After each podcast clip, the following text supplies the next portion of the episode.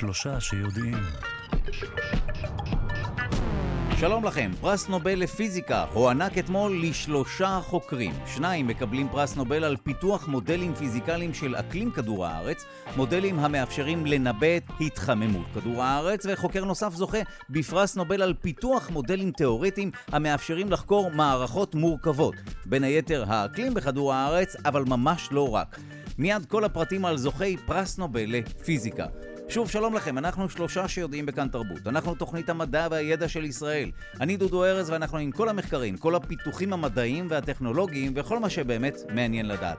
אנחנו משודרים בכל יום בשבע בבוקר ובשידור חוזר בשמונה בערב במשך שעתיים, ובתוכנית היום בין היתר נעסוק בעניינים האלה. שלושה זוכים בפרס נובל לפיזיקה, כך הכריזה אתמול האקדמיה המלכותית השוודית למדעים. מחצית הפרס תוענק לחוקרים שפיתחו מודלים לחיזוי שינויי אקלים. מדובר בסיוקורו מנאבה מארצות הברית ובקלאוס הסלמן מגרמניה. והחצי השני של הפרס מוענק לפרופסור ג'ורג'ו פריזי מאיטליה, שמחקריו מאפשרים להבין טוב יותר תופעות מורכבות במערכות שנראות חסרות סדר. בין היתר מדובר במערכות מזג אוויר ואקלים, אבל ממש לא רק. מערכות מהרמה האטומית ועד הרמה הפלנטרית. פרופסור פריזי זכה גם בפרס וולף לפני חצי שנה, מיד בהרחבה. ונעסוק בעוד עניינים. קורונה, נדבקתם בנגיף קורונה לאחר קבלת המנה הראשונה של החיסון? כדאי לכם לקבל מנה שנייה. כך עולה ממחקר חדש של הפקולטה לרפואה באוניברסיטת בר אילן, יחד עם בית החולים זיו. וגם, לא אכפת לנו מאנשים מסביבנו ולא רוצים חוויות חדשות. מגפת הקורונה שינתה את הערכים שלנו, מיד על המחקר מאוניברסיטת תל אביב, שעוסק דווקא בתושבי אוסטרליה. וגם נעסוק בסוכנים הכפולים שבמערכת החיסון שלנו, תאים שנלחמים בגידול הסרטני ולפתע מחזקים ומעצימים אותו. מדובר במחקר שגם הוא מגיע מאוניברסיטת תל אביב. וגם, יום ראשון דיכאון, יום שני עצבני. באיזה יום אנחנו רגועים יותר בעבודה ואנחנו מסוגלים להתמודד טוב יותר עם משימות מלחיצות מיד על המחקר המסקרן שמגיע מאוניברסיטת חיפה ועוד הרבה עניינים. העורך שלנו הוא רז חסון, המפיקאי אלכסנדר לויקר, על הביצוע הטכני די.ג'י אלון מקלר. תודה רבה ליגאל שפירא שמלווה אותנו. אתם ואתן מוזמנים ומוזמנות להצטרף לקהילה הרשמית של שלושה שיודעים בפייסבוק, כאן שלושה שיודעים. נזכיר שאפשר להאזין לשלושה שיודעים גם כהסכת בכל זמן ובכל מקום באמצעות היישומון של כאן, גם באמצעות ספוטיפיי, אפל וגוגל. בואו נתחיל.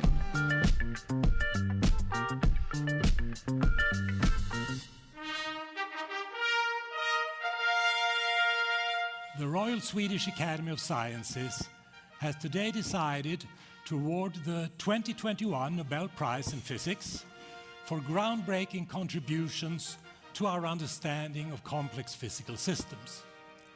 One half of the prize is awarded jointly to Shukuro Manabe and Klaus Hasselmann for the physical modeling of Earth's climate, quantifying variability and reliably predicting global warming.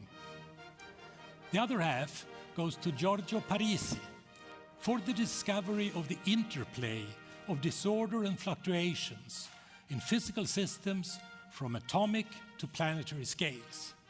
פרס נובל לפיזיקה הוענק אתמול לשלושה חוקרים. חצי מהפרס מוענק לחוקרים שפיתחו מודלים לחיזוי שינויי אקלים ובזכות המחקרים שלהם הוכח שההתחממות הגלובלית נגרמת מפליטת פחמן דו-חמצני שמקורה בפעילות האדם. וזו השורה התחתונה. סיוקורו מנאבה מאוניברסיטת פרינסטון, ארה"ב, הראה איך עליית הריכוז של הפחמן הדו-חמצני באטמוספירה גורמת לעליית הטמפרטורה בכדור הארץ, וקלאוס הסלמן ממכון מקס פלנק למטאורולוגיה בהמבורג, הוא הראה איך אפשר לזהות השפעה של פעילות האדם על האקלים. אנחנו שמחים לומר שלום לפרופסור פנחס אלפרט, זוכה פרס בירקנס, לשעבר ראש בית הספר פורטר ללימודי סביבה באוניברסיטת תל אביב. שלום. שלום, שלום דודו. טוב, לא מאוד מפתיע שהזוכים, לפחות חצי מהזוכים בפרס נובל לפיזיקה, עוסקים במחקרים שקשורים להתחממות הגלובלית, נכון?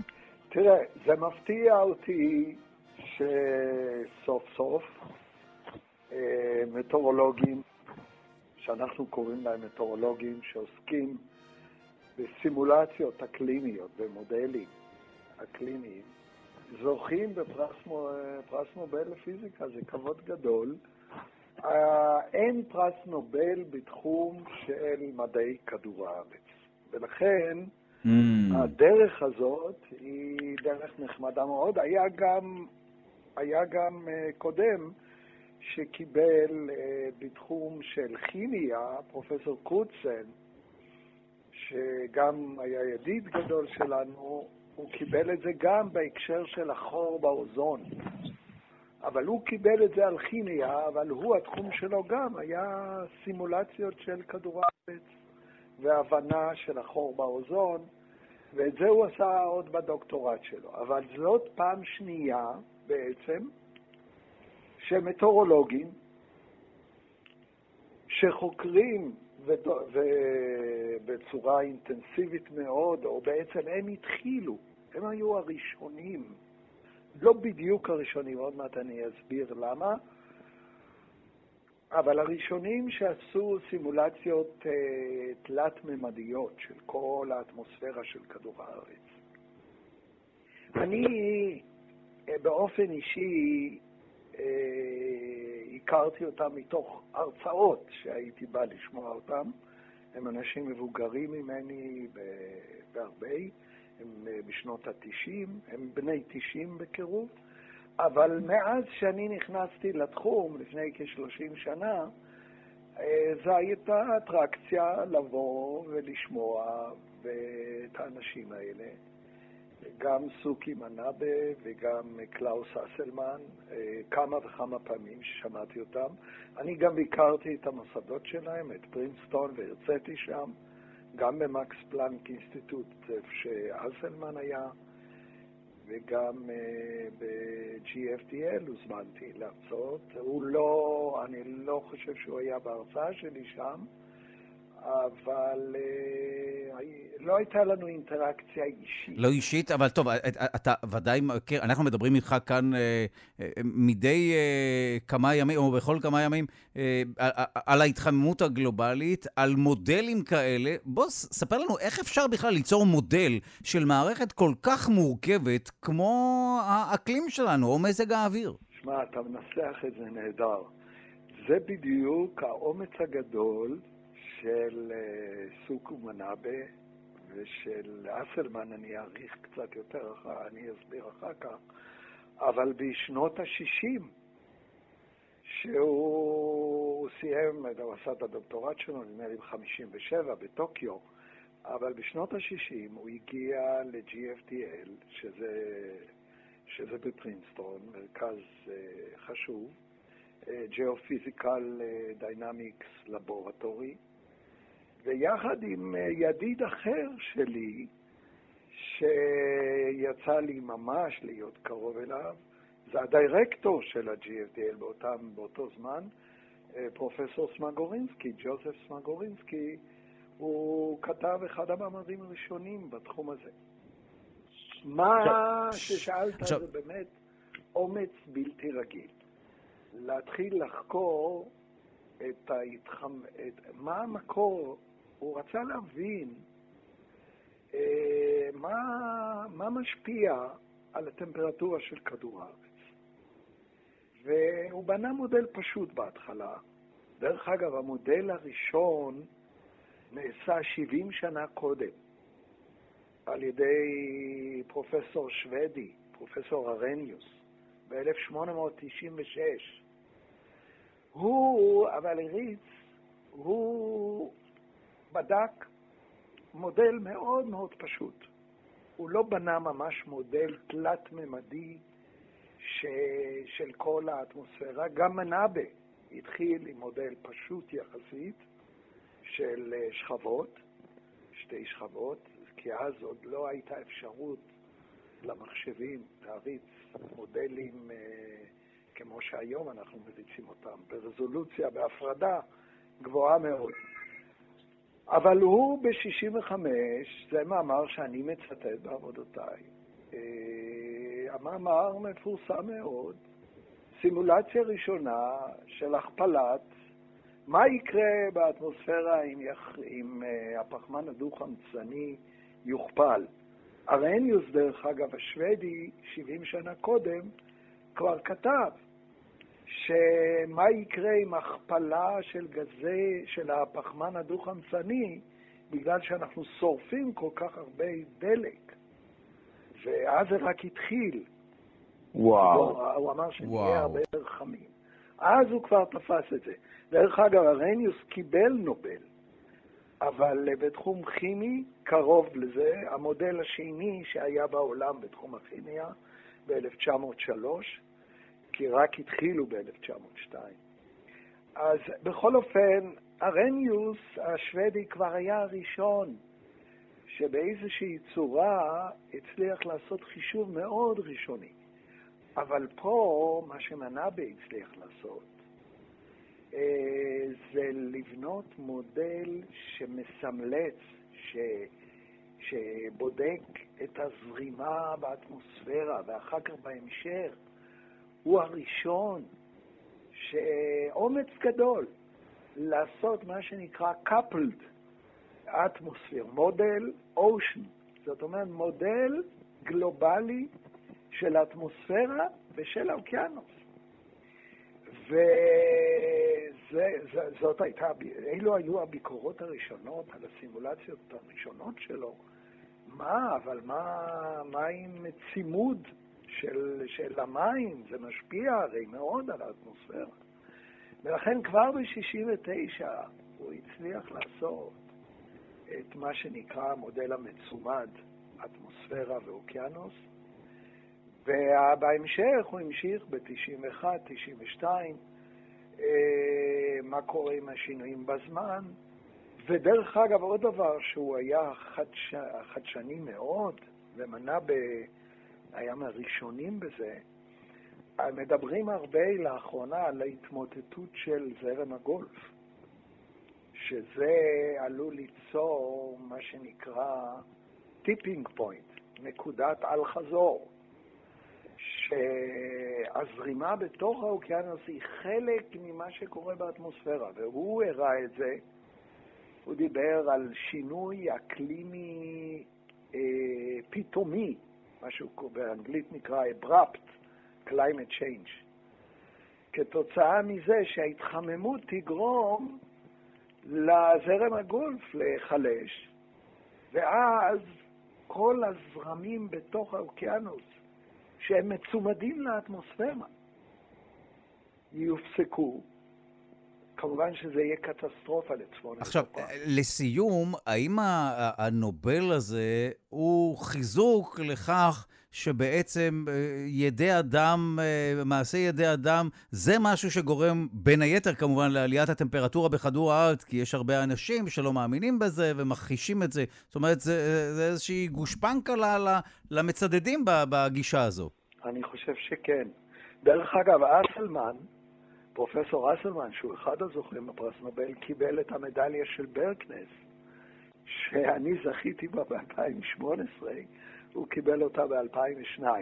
והוא קיבל אותה אז, והוא קיבל את הנובל עכשיו, על השיטה לשיטות מתמטיות יפות, איך להבדיל בין השינוי הטבעי באקלים, יש שינויים אקלימיים טבעיים, לבין השינויים שמוכתבים על ידי האדם, וואו. על ידי הזרקת הפחמן, הגזי החממה, מה שנקרא לאטמוספירה. וואו, טוב, אנחנו נסתפק בדברים האלה. תודה רבה לך על השיחה הזו. פרופסור פנחס אלפרט, זוכה פרס ביירקנס לשעבר, ראש בית הספר פורטר ללימודי סביבה באוניברסיטת תל אביב. תודה לך.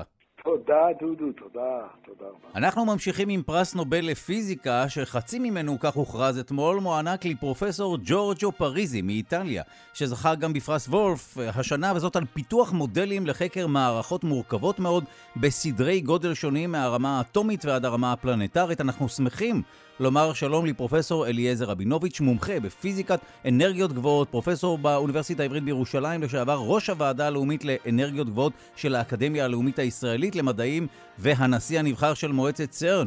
אה, על רקע זה דיברנו גם לא מזמן, ידיד קרן וולף, שלום לך. אה, שלום וברכה, קצת הקדמה ארוכה, אבל שלום. אוקיי, ההקדמה הייתה ארוכה, אנחנו נשמח שבזכותך אה, האורך הזה יהיה מוצדק, ואנחנו גם נבין מדוע ועל שומה פרופסור ג'ורג'ו פריזי זכה בפרס אה, נובל לפיזיקה. אה, מה זה אומר פיתוח מודלים של אותן מערכות מורכבות? שוב, מערכות לא אקלקטיות, אלא בסדרי גודל שונים מרמה אטומית ועד רמה פלנטרית. אה, אני הייתי ממשיל במידה מסוימת את ג'ורג'ה פריזי ללאונרדו דה וינצ'י. הוא איש רב אשכולות, ידו בחול ויד ממש, הוא עשה תרומות בתחום נרחב מאוד של שטחים, ואני חושב שעל סמך זה הוא זכה בפרס נובל. אני יכול למנות כמה מהשטחים שבהם הוא תרם, ואכן הם משתרעים על תחום מאוד רחב.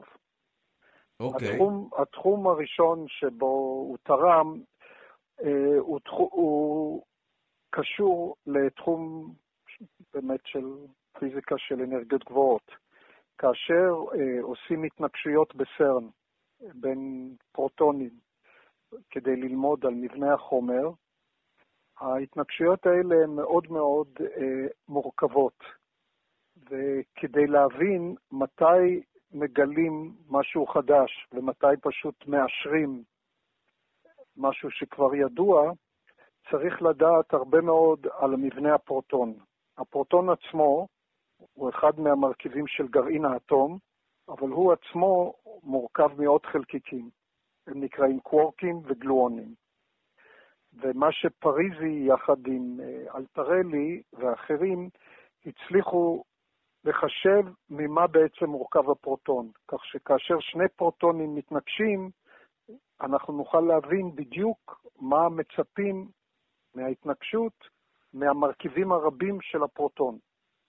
אז אה, זו התרומה הראשונה ומאוד מאוד אה, חשובה שלו. עכשיו, מערכת כזו, ברמה האטומית או ברמת הפרוטון, מתנהגת כמו מערכת אה, אה, אחרת לגמרי, במערכת פלנטרית למשל? אה, אלה אותם כללים?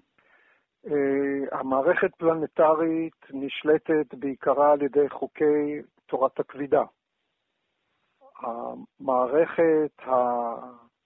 של התנגשות פרוטונים היא נשלטת על ידי הכוחות שבין הקוורקים והגלואונים, שהם אחד מארבע הכוחות הבסיסיים, לפעמים הם נקראים הכוחות החזקים, אז זה כוחות שונים. מה ש...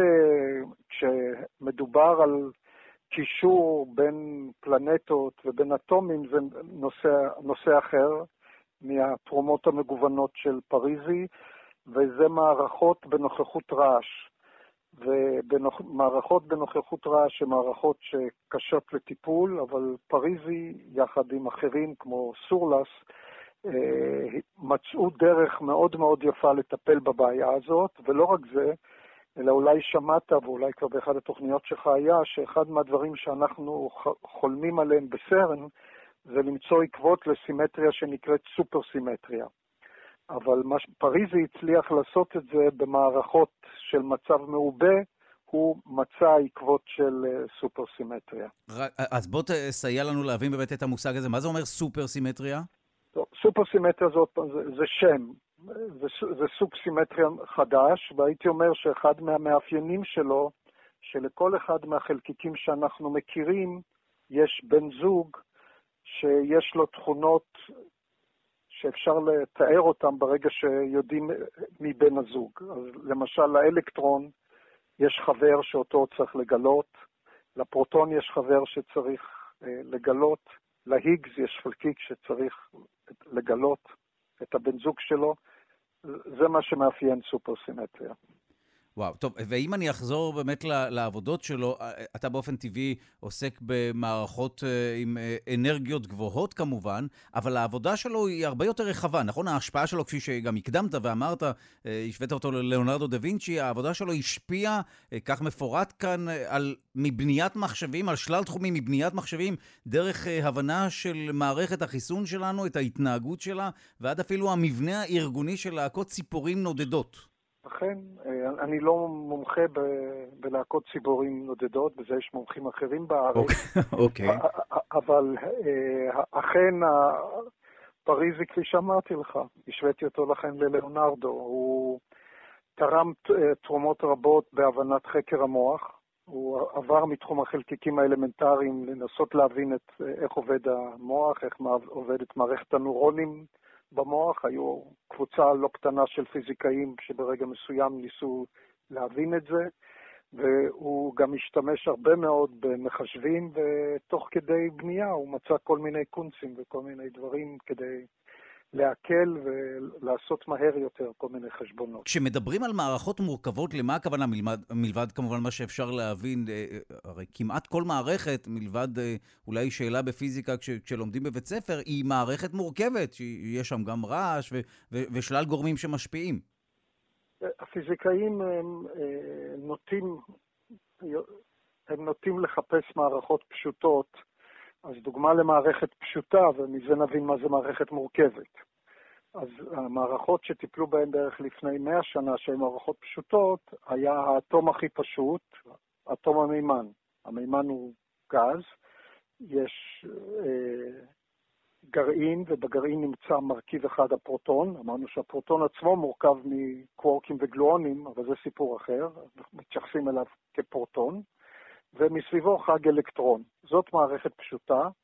הכוח הדומיננטי שפועל בין הפרוטון והאלקטרון הוא הכוח החשמלי, וברגע שיודעים מכניקה קוונטית אפשר לחשב איך צריך להתנהג אטום המימן, והדבר מתעשר על ידי הניסיון. ברגע שאתה מכניס הרבה אטומי מימן, או שאתה מכניס גם אטומים אחרים, ובנוסף לזה אתה מכניס את זה לסביבה רועשת, המערכת נהיית יותר ויותר מסובכת. לפעמים מתוך סיבוך בסוף יוצא פשטות, ואחד מהתרומות של אה, פריזי זה היכולת שלו לקחת מערכות שנראות מאוד מאוד מסובכות, ובסוף למצוא מה הפשטות שמאפיינת אותן. וואו, טוב, זה עוד מקרה שמוכיח לנו ש...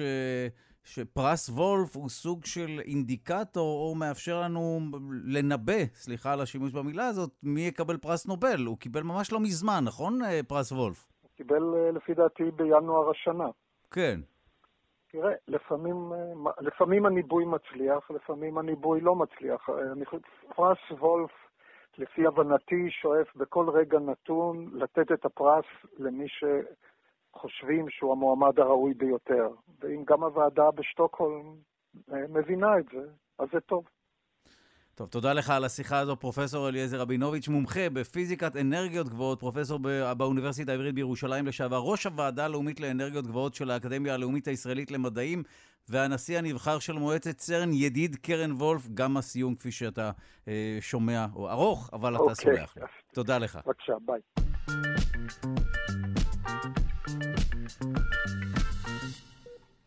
נדבקתם בקורונה לאחר קבלת מנת החיסון הראשונה, כדאי לכם לקבל מנה שנייה. כך עולה ממחקר חדש של הפקולטה לרפואה באוניברסיטת בר אילן, יחד עם בית החולים זיו. במסגרת המחקר שפורסם בכתב העת אפידמיולוג'נד אינפקשן, נבדקו 541 עובדי שירותי בריאות במרכז הרפואי זיו. אנחנו שמחים לומר שלום למי שהוביל את המחקר, דוקטור כמאל אבו ג'באל, מנהל היחידה לטיפול נמרץ קורונה בבית החולים זיו. מוביל המחקר. שלום לך. שלום, בוקר טוב לכולם. אז ראשית, תן לנו את השורה התחתונה של המחקר. מי שנדבק בקורונה לאחר שהוא קיבל את המנה הראשונה של החיסון, מומלץ לו כן לקבל מנה שנייה. כן, האמת, ב- ב- בתוך המחקר אה, הגדול היה לנו משהו כמו 37 חולים שנדבקו בקורונה בסמוך למתן מנת אה, אה, חיסון ראשונה. ולאורך הטווח, כאילו, לאורך הזמן, כי ראינו שרמת הנוגדנים אצלהם היא נמוכה מאשר אלה שקיבלו את החיסון על מחלה בעבר, או שקיבלו שתי מנות חיסון כרגיל. וזו קבוצה של חולים שהעולם, כאילו, אנחנו לא ידענו ברפואה מה לעשות איתם. לפי המעקב שלנו, אנחנו כן יצאנו בהמלצה כן לתת להם מנת חיסון שנייה, כי חלקם שקיבל את המנת חיסון שנייה, הוא כן עלה את הנוגדנים ברמה כמו אלה שקיבלו חיסון על מחלה בעבר. טוב, אני, אני מנסה להבין מדוע זה כך, הרי... קיבלתי מנת חיסון ראשונה, הגוף כבר פחות או יותר מכיר את הנגיף, אולי לא באותן עוצמות כמו לאחר קבלת המנה השנייה, אבל אה, איכשהו אני אמור להיות חולה באופן פחות קשה, נכון? נכון, כאילו כל שלושת ה-37 חולים שחלו בסמוך למתן המנה הראשונה, הם היו עם מחלה פחות או יותר קלה, mm. אה, עד מקסימום בינונית, אבל, אבל כן, כן כאילו החיסון עשה חלק מהעבודה, אבל מבחינת החיסון בסמוך למחלה, הוא לא, מבחינת, ומבחינת מעקב אחרי נוגדנים, הוא לא עשה נוגדנים כאילו החיסון לא תפקד כמו החיסון אחרי המחלה. Mm. לכן, כאילו, וזה, כאילו, עקבנו אחרי האנשים האלה לפחות שישה חודשים, וראינו שיש הבדל משמעותי ברמת הנוגדנים. עכשיו אנחנו מדברים על רמת נוגדנים לחלבון יחיד, אה, זה אומנם זה חלק קטן מהמערכת החיסונית, אבל... אבל אה, אה, רגע, הרוב... רק אם תוכל להסביר את הנקודה הזו, מה זה אומר רמת חלבונים שרלוונטית לחלבון יחיד? עכשיו, אם אנחנו בודקים רמת נוגדנים בדם, אנחנו בודקים רמת נוגדנים לחלק ה-S של החלבון, הפרוטין ה-S של החלבון, שזה חלק מהחלבונים שמייצרים, או שהווירוס מיוצר מהם. עכשיו, מי שנדבק בווירוס, ברור שיש לו גם נוגדנים מסוגים אחרים, לא כמו רק החיסון. עכשיו, ברגע שאתה בא ונותן את החיסון על מחלה, אתה מעצים את רמת הנוגדנים שהיא אה, לחלבון ה-S, שהוא מעטפה של, של הווירוס, שהגוף אמור להגיב ראשונית ולמנוע אה, כניסה שלו לתוך התאים, והוא, הרי הוא מתרבה, הווירוס לא מתרבה בדם, הוא מתרבה בתוך התאים. אז אה, המהלך למנוע את הכניסה שלו לתוך התא, אתה צריך לתקוף את המעטפה שלו.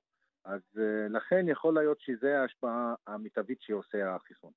אוקיי, okay, אז אה, אם ננסה לערוך סיכום ביניים של השיחה הזו, קודם כל מי שקיבל מנה ראשונה ונדבק בנגיף לאחר המנה הראשונה, באופן גורף חלה באופן פחות קשה, נכון? זה דבר ראשון. נכון. עכשיו, וכמות הנוגדנים שלו אה, הייתה פחותה אה, בהשוואה למי שקיבל את המנה השנייה לאחר שהוא נדבק והחלים. נכון, בהחלט. אוקיי, עכשיו, אז, אז באמת מה המניעה? למה לא באמת לחסן את כל מי שקיבל מנה ראשונה ו, ונדבק בנגיף במקרה? למה לא לחסן את האנשים האלה רק כדי להיות על הסייף סייד?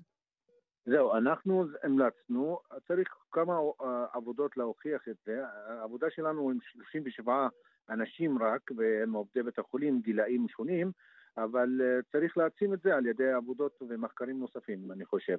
טוב, אנחנו uh, מודים לך על השיחה הזו. דוקטור כמאל אבו ג'באל, מנהל היחידה לטיפול נמרץ קורונה בבית החולים זיו, מוביל המחקר. תודה רבה. תודה רבה לכם ובהצלחה לכולם. תודה.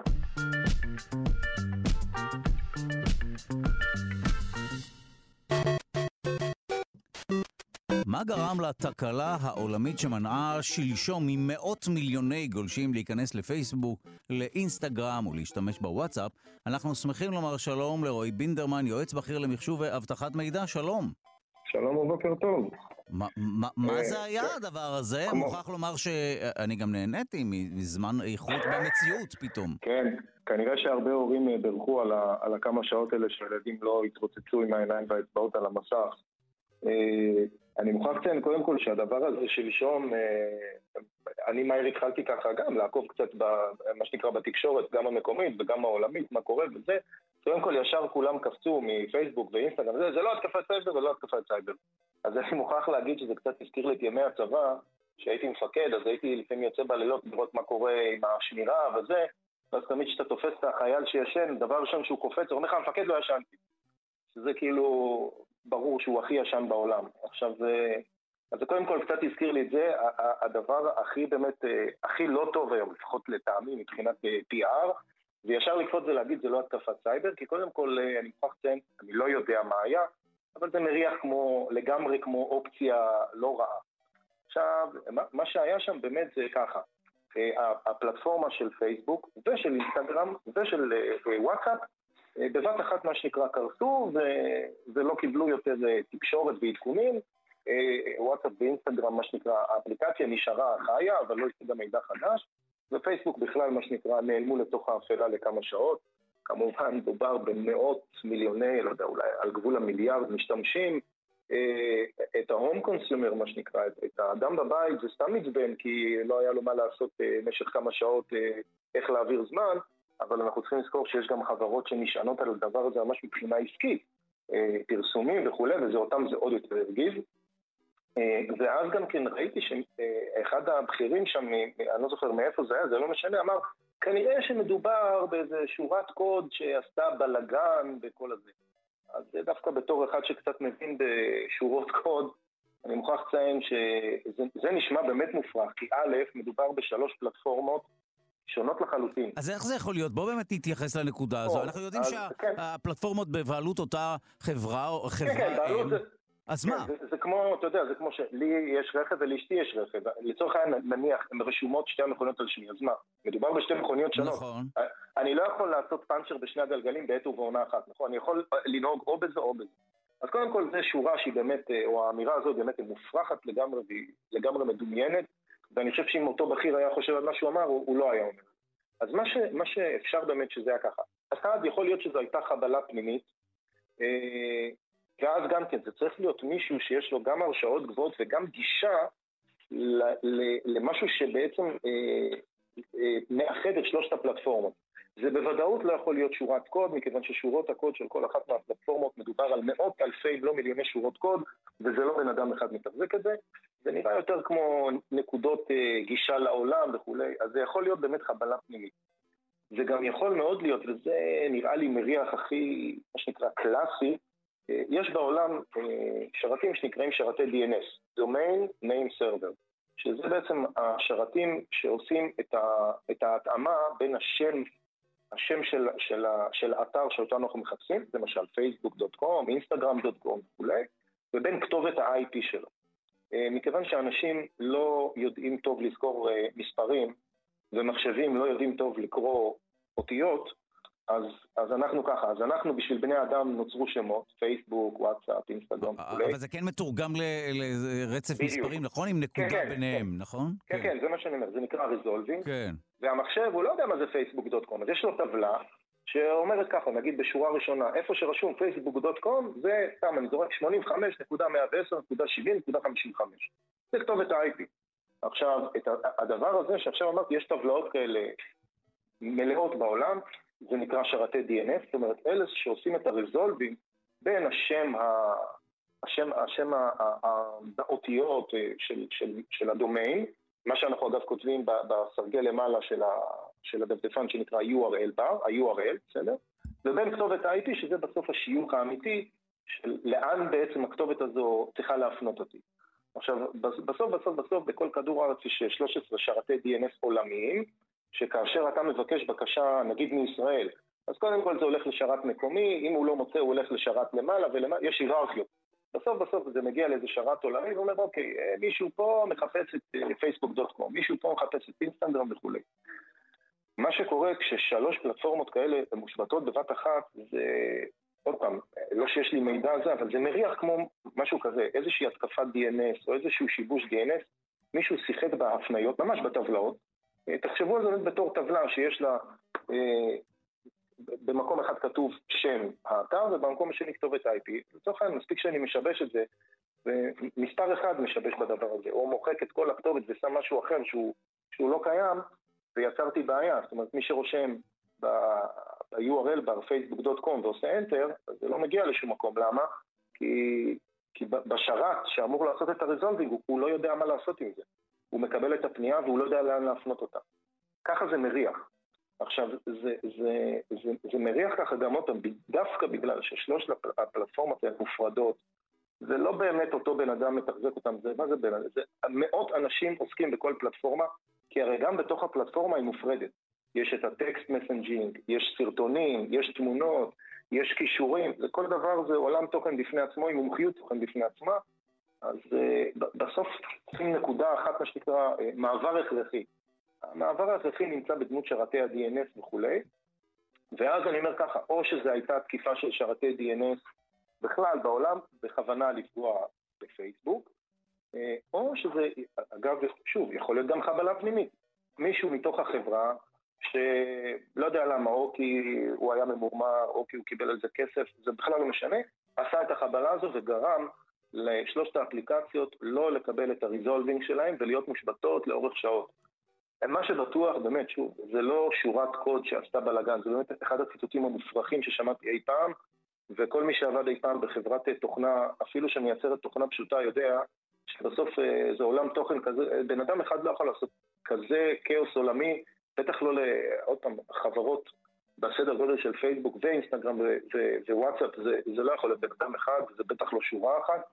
אה, בסוף העולם חווה אה, איזה משהו שהוא באמת אה, ייחודי, זה, זה לא תופעה שקורית כל, כל יום, בטח לא בחברות מה, מהסוג הזה ש...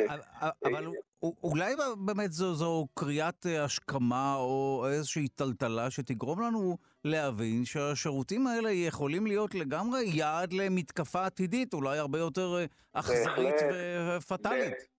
בהחלט, בהחלט, בהחלט, זה לא אפילו קריאת השכמה, זה כבר מה שנקרא, זה השכמה שנייה ושלישית, מכיוון שהדברים האלה אה, קרו וקורים בעולם כל הזמן, על, דברים, על שירותים יותר קטנים ועל אפליקציות יותר, אה, פחות משפיעות או יותר איזוטריות, אבל לגמרי מסכים איתך, אה, אנשים צריכים להבין שהדברים האלה זה לא, זה לא איזה משהו שהוא untouchable, משהו שאי אפשר לפגוע בו, בהחלט אפשר לפגוע, מי שבונה למשל ה...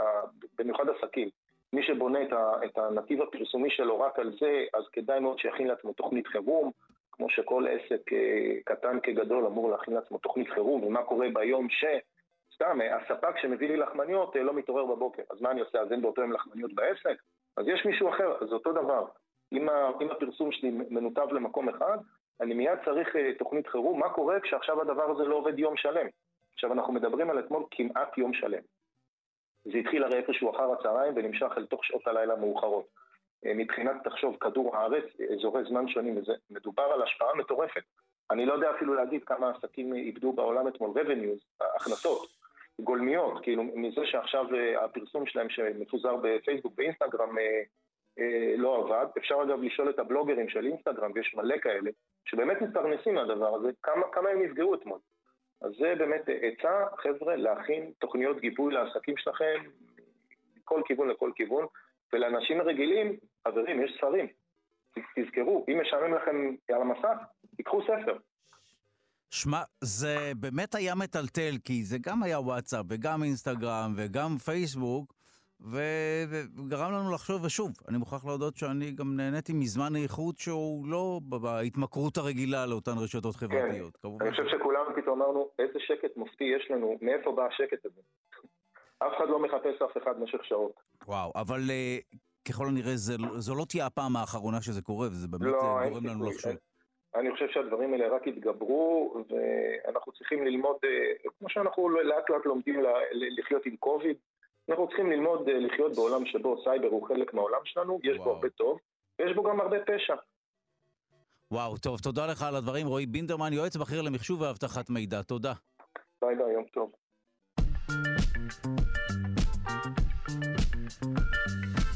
ובמסגרת פינת השירה נחגוג יום הולדת 85 לג'ולי אנדרוז. שלום לרונה ישראל קולט, ווקולוגית ומורה לפיתוח קול במכללת לוינסקי לחינוך מוזיקלי. שלום.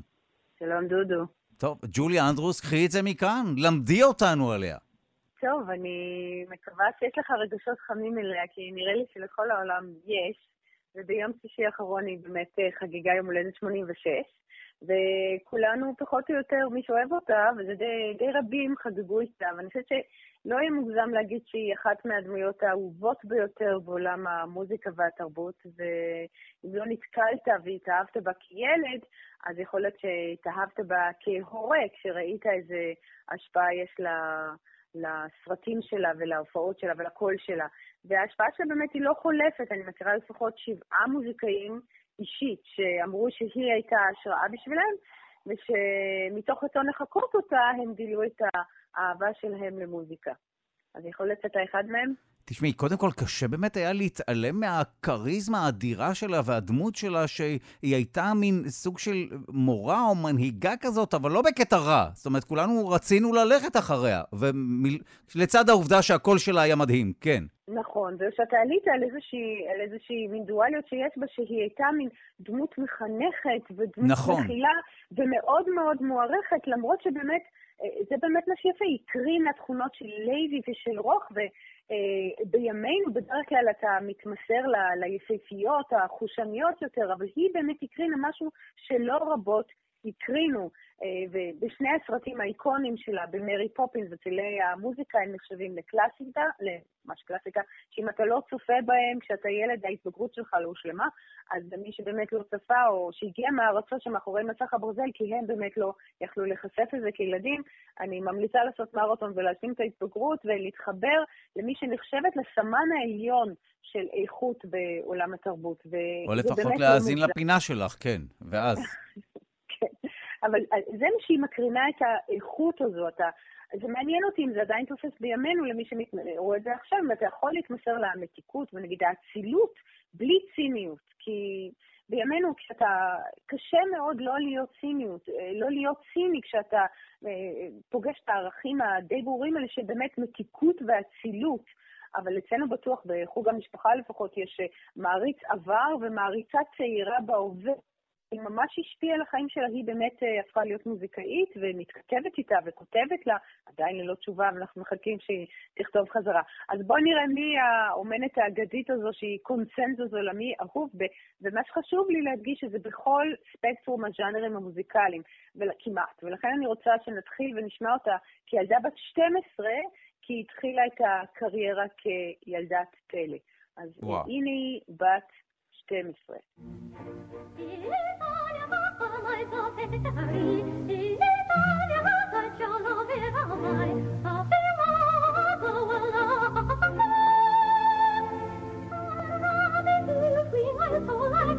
אז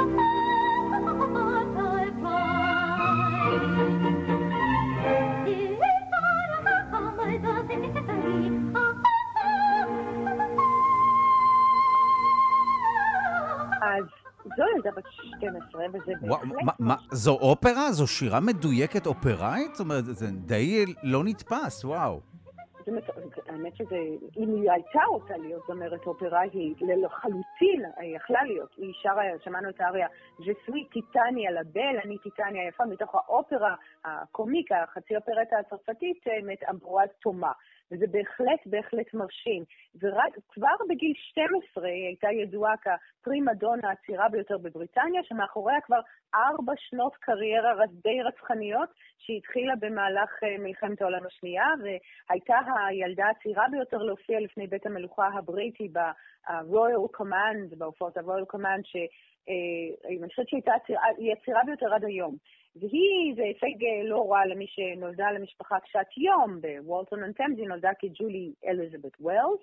ההורים שלה התגרשו כשהיא הייתה פעוטה, והיא נשאה את השם של האב החורג טד אנדרוס, שהיה טנור בהופעות וודוויל ומיוזיק הול, זה מופעי בידור נודדים באווירה שבהחלט לא התאימה לילדים, מין מופעים כאלה, מופעי בידור שברגע שהסרטים והטלוויזיה צמחו הם, הם גברו ומתו, אבל אז הם היו דרך הבידור היחידה של אנשים אה, קשי יום מכל הקשת, בעיקר אנשים קשי יום שבאו, ואתה יודע, לפעמים גם זרקו את הבקבוקים ואת הבירות על, ה, על המופיעים. אבל ברגע שהאב החורג גילה את הקול הנדיר שלה, היא למעשה הפכה להיות סטאר במשפחה וקצת דחקה את האבא והאימא, ששניהם היו uh, כוכבי uh, וודוויל, והיא נשאה את עול הפרנסה על כתפיה, כי הקהל דרש רק אותה.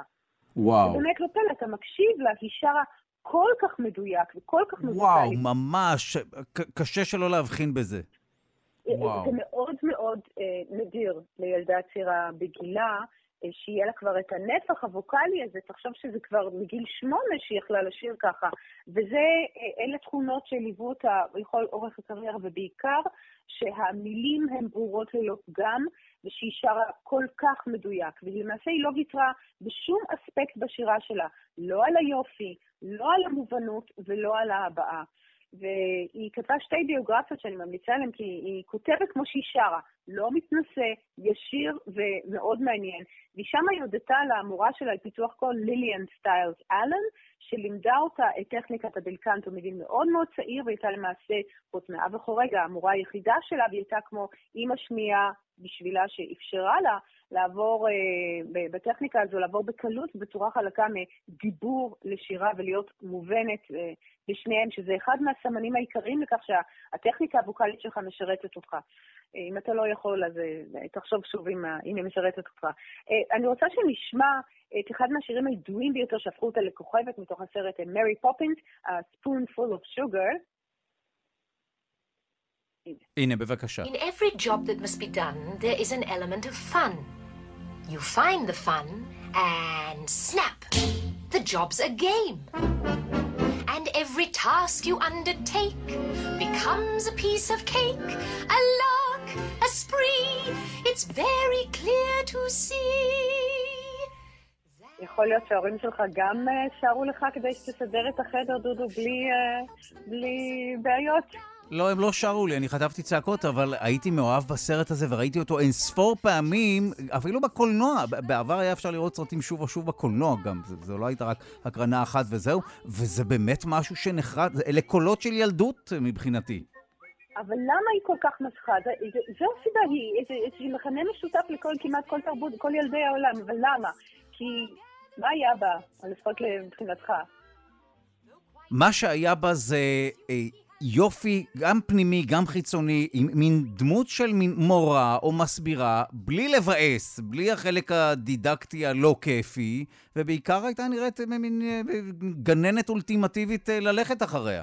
נכון, נכון, זה באמת, אני חושבת שגם המסר הזה שהיא העבירה במרד, היא הצליחה להעביר את המסר הזה של לשנה את הפרספקטיבה, תוציא את המיטב מהמצב, בלי להיות דידקטית מדי, מין חן מדהים ובאמת יופי ואלגנטיות. ואני חושבת שהאמונה הזו שהיא נתנה לה את המקצועיות של ברזל, אחד המפיקים שעבד איתה אמר, יש לה את הנחישות והכוח הבריטים שגורמים לך לתהות איך הם הפסידו את האימפריה. אז באמת התפקיד של מרי פופינס, אה, דיסני יצר עבורה אחרי שהוא ראה אותה על הבמה באחד ממחזות הזמר המצליחים, גברתי ענווה, והיא הפכה לסנסציה בגיל 19, והיא, עברה, והיא לא זכתה בסרט, היא לא זכתה בתפקיד בסרט, וזה היה מין פיצוי, והיא באמת זכתה באוסקר על התפקיד הראשון שלה בסרט הראשון שלה. אני חושבת שהחן שלה, לא מתלמד אותה, היא מוכיחה שלמעשה אין הגדרות, אין אופרה, אין מחזמר, אין, פשוט יש איכות. והיא מצליחה בכזו קלות עם הטכניקה שלה לעבור אה, אחד לשני, אבל מה ש... אה, אני חושבת מה שיפה באמת, שהיא את ה... את ה את הערכים האלה היא הביאה גם לחיים שלה, כי uh, ב-1995 היא חזרה uh, לברודוויי עם גרסת המחזמר לסרט המצליח ויקטור ויקטוריה, שגם היה פנטסטי. אה, והיא שחזרה על הבמה את ההצלחה, והוא היה להיט, וזיכה אותו בפרס הטוני, והיא סירבה לקבל אותו בגלל שאף אחד אחר מצוות השחקנים לא היה מועמד. זאת אומרת, ליידי אמיתית. אבל זה באמת יותר מחבל, כי זו הייתה הפעם האחרונה שהעולם זכה לשמוע אותה שרה. וואו. במהלך הרן היא עברה ניתוח שגרתי, שאמור היה להיות שגרתי בגרון, אבל הניתוח הסתבך וגרם לה נזק בלתי הפיך למיתרים. די, אה, לא ידעתי, וואו. כן, כן, כן, והמנעד שלה, שקודם היה באמת שלוש וחצי אוקטבות, הוא הצטמצם לחצי אוקטבה. זאת אומרת, אתה לא מדבר על זמר רגיל ששם מבית הקול שלו, כמובן שזה טרגדיה, אתה מדבר על הקול הכי יפה בעולם, באמת הכי יפה, שכל כך אהוב, אה, אבל הטרגדיה, גם הטרגדיה הזו לא, לא שברה אותה. ובאמת, בואו נשמע אותה ביומני הנסיכה, היא הפכה להיות שחקנית ומדבבת בפעם הראשונה שהיא חזרה לשיר אחרי האסון. Some girls are fair, some are jolly and fit, some have a well-bred air or a well-honed wit. Each one's a jewel with a singular shine, a work of art with its own rare design. היא יכולה כמעט רק לדבר, אבל היא באמת נשארה נאמנה לפילוסופיה שלה של do it, whatever, אחרי המשיכה הלאה, היא מצאה כיוונים חדשים, במשחק ללא שירה, בדיבוב, היא דיבבה את המלכה בשרק, בסרטי המיניונים ובסדרה ברידג'רטון, ובעיקר עכשיו היא עושה, היא כותבת סיפורים ותוכניות טלוויזיה לילדים, והקול היפה שלה והחום שהיא מקרינה עוברים גם בהם, ולדעתי היא באמת דמות מופת, ואני רואה בזה מספר אירועים וכוכבים אה, שהתחברו קוסמית כדי לאפשר לה את הקריירה הזו ואת הערכים שהיא מייצגת בעולם. ודיאן סוייר, העיתונאית והאמריקאית המפורסמת, אמרה שכל עוד ג'ולי אנדרוס, האומנת האגדית, שומרת עלינו, היא מרגישה שהעולם מוגן. ובאמת היא כן. מין סוג של מלחמה, גם הקול שלה ממש מייצגת. גם בשנות ה-70-80, אה, אגב, בשנות ה-70-80, הייתה אווירה קצת יותר בריטית, ואני חושב שהיא גם השתלבה כאן בישראל, וזה השתלב בול במה שלפחות אני הרגשתי ככה. בואו נגיד ככה, שג'ולי אנדרס מייצגת את האימפריה, אני מוכנה שהם יכבשו אותנו עוד פעם. או וואו, טוב, הלכת רחוק, אוקיי. כן, נחזיר את המנדט, נחזיר את מה שג'ולי אנדרס מייצגת, הלוואי. אז נשמע את הקטע האחרון. כן. אני, רוצ, אני רוצה לסיים עם השיר הבאמת החד פעמי מתוך היצירה החד פעמית, תוך צלילי המוזיקה, ולאחל לה עוד הרבה שנים טובות. אז הנה נשמע את זה, וראשית נודה לך. רונה ישראל קולט ווקולוגית ומורה לפיתוח קול במכללת לוינסקי לחינוך מוזיקלי. תודה. לילה טוב.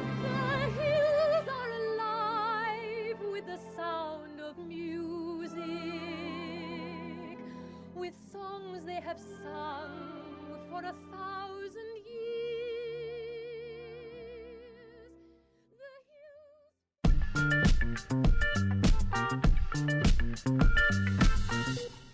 הנקה ונוגדנים. חלב האם של נשים מחלימות מקורונה ממשיך להכיל נוגדנים גם כשנה לאחר ההחלמה. כך עולה ממחקר חדש שנערך בבית הספר לרפואה בבית החולים הר סיני בארצות הברית, מחקר שהוצג בסימפוזיון ההנקה העולמי שנערך החודש. אז האם זה אומר בין היתר שחלב האם יכול גם לשמש סוג של תרופה נגד קורונה? אנחנו שמחים לומר שלום למנהל היחידה לרפואת האם והעובר במרכז הרפואי רמב"ם, דוקטור עידו שולט, שלום.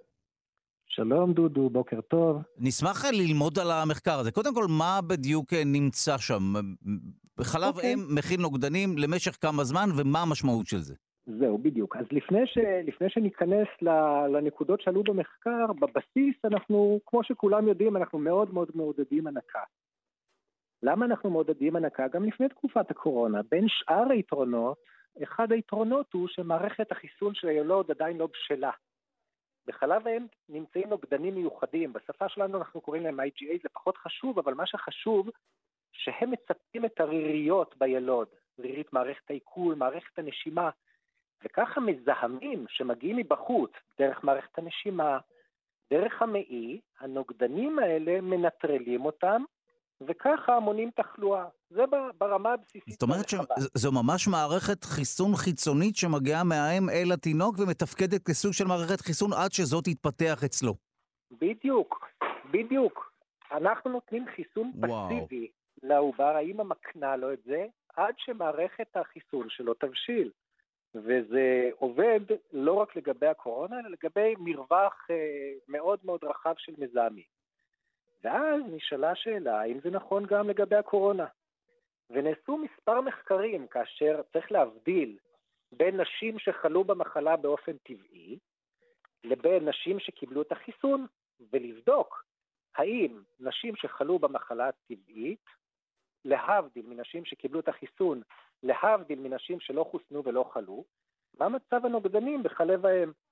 וזה בדיוק המחקר הנוכחי ועוד מספר מחקרים קודמים, ומה שהם בדקו, הם בדקו נוכחות נוגדנים ספציפיים נגד החלבון ספייק, שזה החלבון הייחודי לנגיף הקורונה, מתוך ההנחה שאם האימא מעניקה, מניקה ומעניקה לילוד שלה, לילוד שלה מעניקה את ההגנה החיסונית הזו, היא תספק לו גם הגנה נגד תחלואה בקורונה.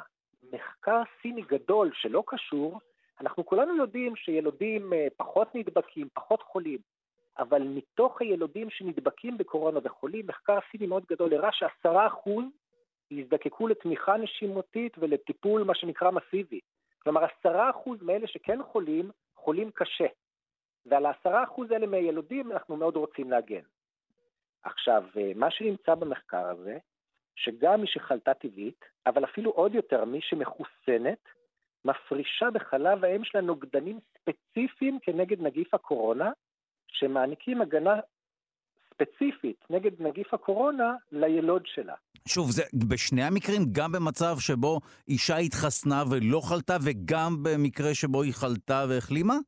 נכון, כאשר ההגנה עוד יותר חזקה לאחר חיסון, תכף אני אדבר על סוגי החיסונים השונים, ומה שעוד יותר מעודד מהמחקר הזה, שהם בעצם עקבו עשרה חודשים, עשרה חודשים לאחר החשיפה, וגילו שגם עשרה חודשים לאחר החשיפה עדיין רמת ההגנה היא גבוהה, כלומר גם אם שמניקה עשרה חודשים לאחר הלידה, עדיין שיעור הנוגדנים הספציפיים כנגד נגיף הקורונה בדם שלה מאוד גבוה, הם מצפים את ריריות המעי של, ה, של היונק, ו- ומקנים לו הגנה ספציפית שהיא ארוכת טווח.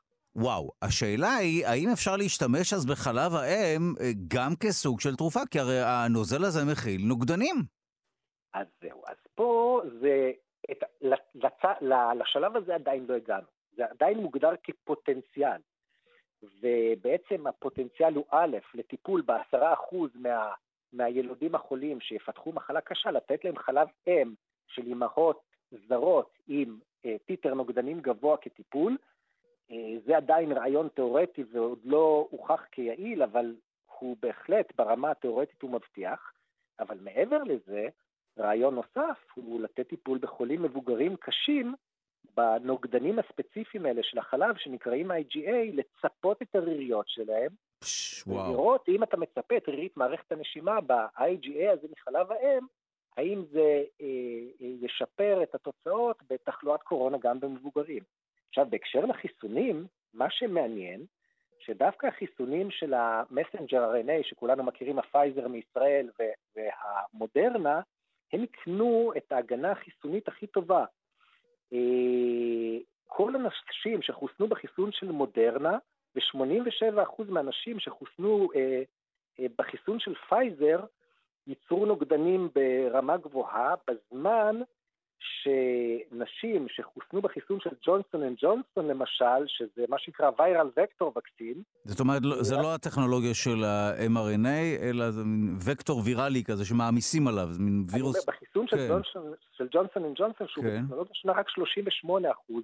וואי, מעניין. את הנוגדן בכמות גבוהה, ועכשיו עובדים על החיסון של אסטרזניקה, לגביו עדיין אין פרטים. וואו, טוב, אנחנו... גם... קודם כל זה לגמרי מסקרן, ומאוד מעניין גם מה הסיבה לכך. כאן אנחנו מדברים בגדול על פייזר ומודרנה, אז, אז מצבנו טוב. זאת אומרת, הדבר הזה כן מצליח לפתח רמה טובה של נוגדנים נכון. בקרב רוב מוחלט של, של נשים, וכן נכון כמובן, פעולת ההנקה שתמיד ממליצים עליה, היא ב, ביתר שאת חשובה במקרה הזה, כדי פשוט להיות חלק ממערכת החיסון של התינוק, ובמקרה הזה גם לאפשר לו להילחם בנגיף קורונה. נכון, בסדר גודל של 90, של 90 אחוז מהמניקות, עלייה בשני סדרי גודל, עלייה של פי 100 בנוגדנים אחרי וואו. המנה השנייה של החיסון. וואו, טוב, אז, אז הנה אנחנו יודעים שאומנם יש הבדל בין החיסונים השונים, כאן אנחנו מדברים על פייזר ומודרנה, והנוגדנים נוצרים ועוברים הלאה לתינוק, גם מי שהחלימה מהמחלה, אה, וביתר שאת מי שקיבלה את החיסון עצמו, ולכן הדבר הנכון זה כמובן להעניק בשלבים האלה כדי להעביר, לחזק, ליצור את מערכת החיסון אצל התינוק אה, ולחזק אותה ברמה הנוגדנית. אה, נכון, נכון מאוד. טוב, תודה לך על השיחה הזאת, דוקטור עידו שולט, מנהל היחידה לרפואת האם והעובר במרכז הרפואי רמב"ם. תודה. תודה רבה, דודו.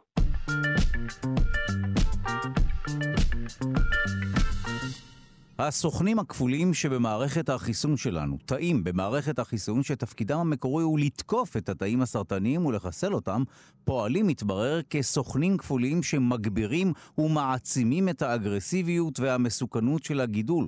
כך עולה ממחקר חדש שנערך באוניברסיטת תל אביב, ובו נבחנה ההתפתחות של גידול סרטני מסוג גליובלסטומה, סרטן המוח. המחקר נערך בהובלתה של דוקטור דינורה פרידמן מורבינסקי, שכבר נמצאת איתנו על הקו יחד עם חוקרים נוספים מאוניברסיטת תל אביב וממכון ויצמן למדע. המחקר פורסם בכתב העת סל ריפורטס. אנחנו שמחים לומר שלום לעורכת המחקר דוקטור דינורה פרידמן מורבינסקי מהמחלקה לביוכימיה וביולוגיה מולקולרית, חוקרת במרכז סגול לחקר המוח באוניברסיטת תל אביב. שלום.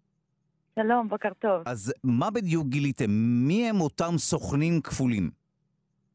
אז הסוכנים הכפולים, אנחנו מכירים אותם כניוטרופילים.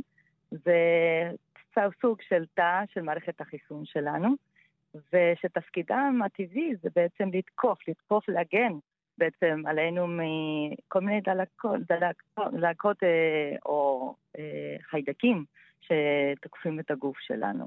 אז התפקיד שלהם בעצם, הטבעי, זה לתקוף את הגידול.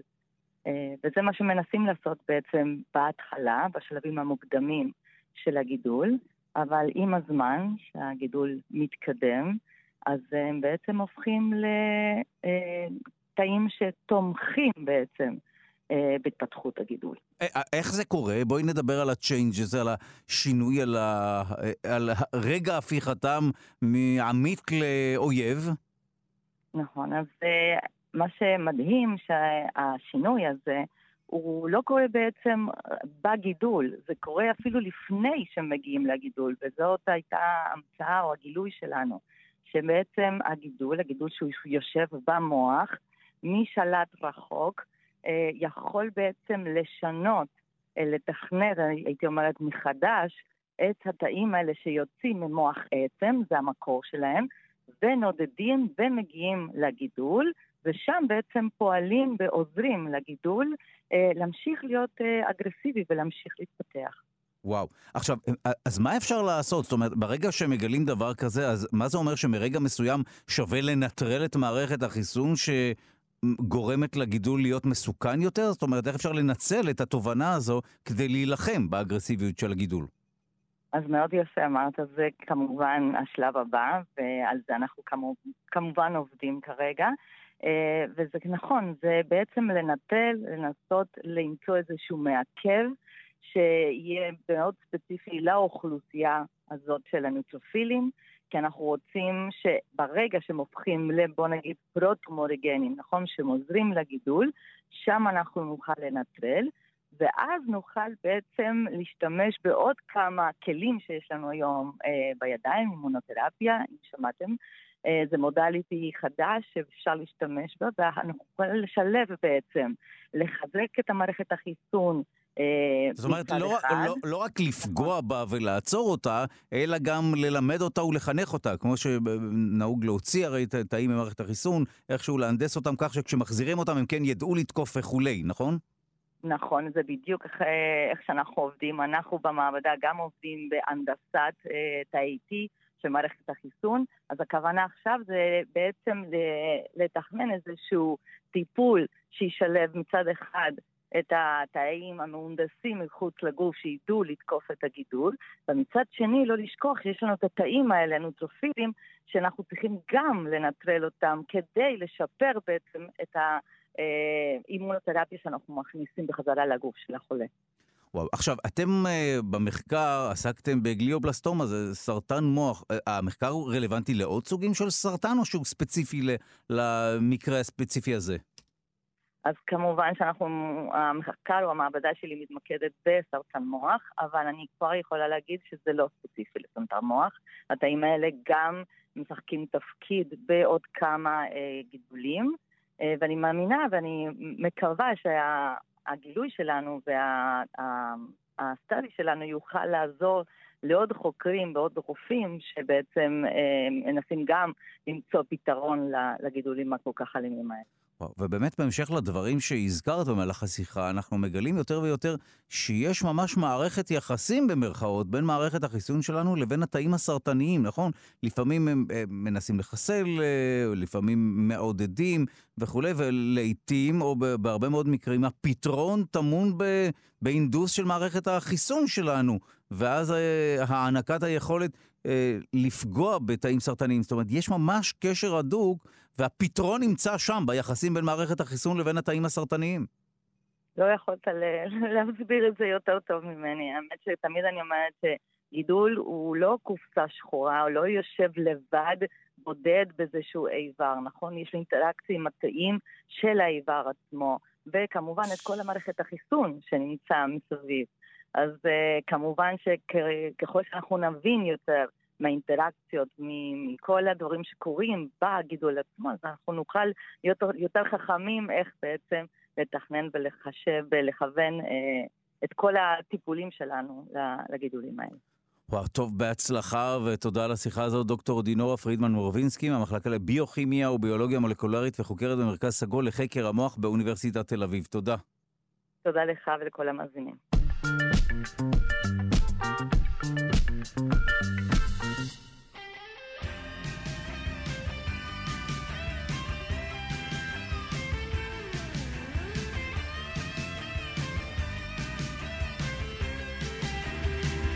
יום ראשון דיכאון, יום שני עצבני, באיזה יום אנחנו רגועים יותר בעבודה ואנחנו מסוגלים להתמודד טוב יותר עם משימות מלחיצות. בשאלות האלה עוסק מחקר חדש, ערכה דוקטור שני פינדק מהחוג לשירותי אנוש, אוניברסיטת חיפה, מחקר שפורסם בכתב העת Human Relations, כתבה על המחקר גם פורסמה בדה-מרקר, ובשורה התחתונה, יום ראשון הוא באמת יום קשה לעובדים ולעובדות. אנחנו שמחים לומר שלום לדוקטור שני פינדק, חוקרת בחוג לשירותי אנוש באוניברסיטת חיפה, שלום. היי. ספרי לנו על המחקר המאוד מסקרן הזה, שנותן לכולנו את הלגיטימציה להרגיש מאוד מבואסים ביום ראשון, מאוד. אוקיי, אמ, אז אה, בתור אה, חוקרת לחץ, ולחץ בעבודה זה מה שאני חוקרת כל הזמן, אני יכולה לספר שיש אה, כל מיני דברים שאנחנו כבר יודעים הרבה זמן על החוויה של עובדים, על החוויית לחץ של עובדים בעבודה. אז תשמעי, אם כבר פתחת את הנושא הזה רגע לפני שנגיע למחקר, מה גורם לנו ללחץ, לסטרס בעבודה? או, טוב ששאלת. אז אנחנו יודעים שיש הרבה מאוד דברים שהמקור שלהם הוא במאפיינים של סביבת העבודה. לא יפתיע אף אחד אם אני אגיד עומס רב, או אינטראקציות לא נעימות עם אנשים, או כל מיני אילוצים ארגוניים, בירוקרטיה מכעיסה, משימות לא מתאימות. כל הדברים האלה הם גורמי לחץ שהמקור שלהם הוא בארגון. עוד מקור של לחץ זה האנשים עצמם. אנחנו יודעים שאנשים אה, אה, נבדלים זה מזה. יש אנשים שיש להם רגישות גבוהה יותר ואנשים שיש להם רגישות נמוכה יותר. אז אותו דבר אובייקטיבי שקורה בסביבת העבודה, עבור חלק מהאנשים הוא ייתפס אירוע גדול, משהו מאוד מלחיץ, ואנשים אחרים יצליחו ככה לנפנף את זה, לעבור קצת, הלאה. קצת נשמע לי האשמת הקורבן, אבל תתעלמי מההערה הזו. אוקיי, בסדר. לא, לא, לא, החלק לא. הראשון ש, של דבריי בהחלט היה שם, שם את האשמה במקום הנכון.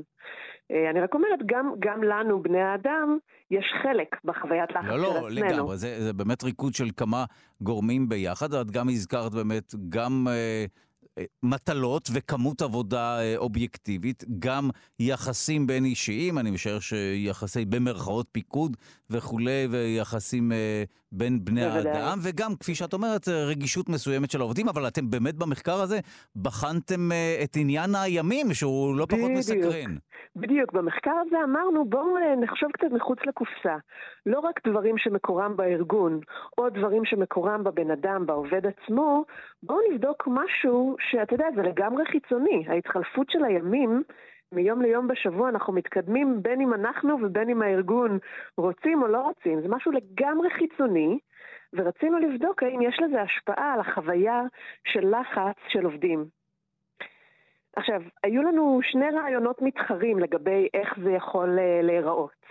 מצד אחד, אנחנו יודעים ממחקרי עבר שהתופעה הזו של Monday Blues, זה נקרא אה, בארצות הברית, ובארץ בעקבות אה, שירות צבאי, אני מכירה את המונח אה, שביזות יום א', אה, אנחנו יודעים שיש איזה מצב רוח ירוד בכניסה לשבוע העבודה. זאת אומרת, יצאנו מהחופש, ביום הראשון לאחר החופש, אז באמת בחו"ל זה בדרך כלל יום שני, או בארצות הברית, אצלנו יום ראשון, יש תחושה נכון. קשה, איזה מועקה. כן.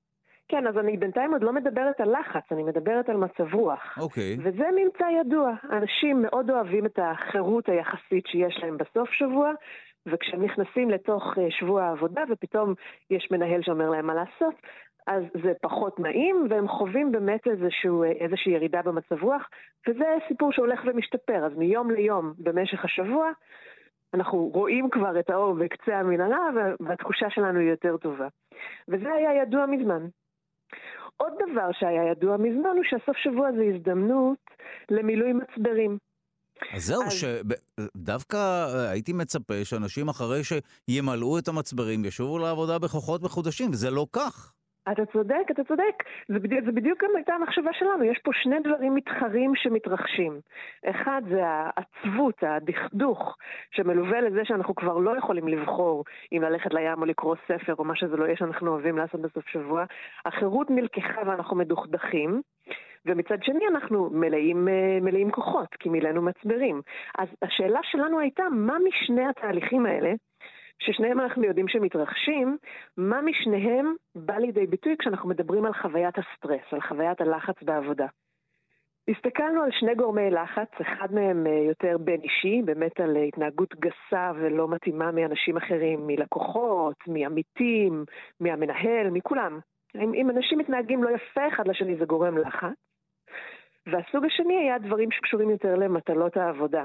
אם יש דברים מעצבנים שאנחנו מקבלים לעשות, והפרעות, ולא, אין דבר, רד טייפ, כל הבירוקרטיה הזה וזה, זה היה הדבר השני שרצינו לראות. מה שרצינו לראות זה האם אנשים חווים רמות גבוהות יותר של גורמי לחץ כאלה בתחילת השבוע, ואז המצב הולך ומשתפר, או ההפך, האם הם uh, בתחילת השבוע מלאי כוחות, אז הכל ככה קטן עליהם, ורק ככל שהם צריכים להתמודד עם זה עוד יום ועוד יום ועוד יום, דברים מתחילים להרגיש יותר ויותר כבדים עליהם. זה מה שרצינו לבדוק. אז טוב, מאה אחוז סקרנות אנחנו נמצאים בנקודה הזו. ומה מצאתם? מצאנו מאנדיי בלוז, מצאנו דכדוך יום א'. דכדוך, מצאנו זהו. שבתחילת השבוע הרגישות של אנשים לגורמי לחץ היא גבוהה יותר. אז כל מיני דברים קטנים שאולי מאוחר יותר, ביום חמישי, הם כבר יצליחו לנפנף מעליהם בקלות, ביום ראשון הם תופסים אותם יותר. אנחנו, החוויה שלנו היא שדברים שמתרחשים בעבודה הם גרועים יותר, דברים שהם גרועים מרגישים לנו גרועים יותר בתחילת השבוע. זה, זה היה הממצא המרכזי. אני חושב שלאור המחקר הזה ובכלל העיסוק שלכם, אפשר אה, אה, לחלץ את התובנה שלא נכון לעבוד, שעבודה זה משהו שהוא הרע במיעוטו, אבל לא המצב האופטימלי. אה, זה כמובן הפוקוס בתחום של סטרס גורם לזה להיראות ככה, אבל יש הרבה מאוד דברים נהדרים שאנשים מקבלים מהעבודה שלהם. את תהיי חייבת תחושה... לתת לנו דוגמאות, אחרת אנחנו לא נבין על מה את מדברת. אנשים מקבלים uh, תחושה של הישג והתקדמות, זה משפר את הערך העצמי שלהם. Uh, חוץ מזה שזה מקום uh, חברתי. אנשים, mm. וזה כבר גם כן ידוע המון זמן, אנשים אוהבים ללכת לעבודה כי הם אוהבים לדבר עם הקולגות שלהם. עכשיו, זה רק חלק מהתמונה, כמובן. כל דבר שאני מספרת לך הוא חלק ממארג מאוד מורכב של גורמים שמשפיעים על החוויה שלנו בתוך עולם העבודה. אין אף מחקר שמצליח לתפוס את כל האספקטים.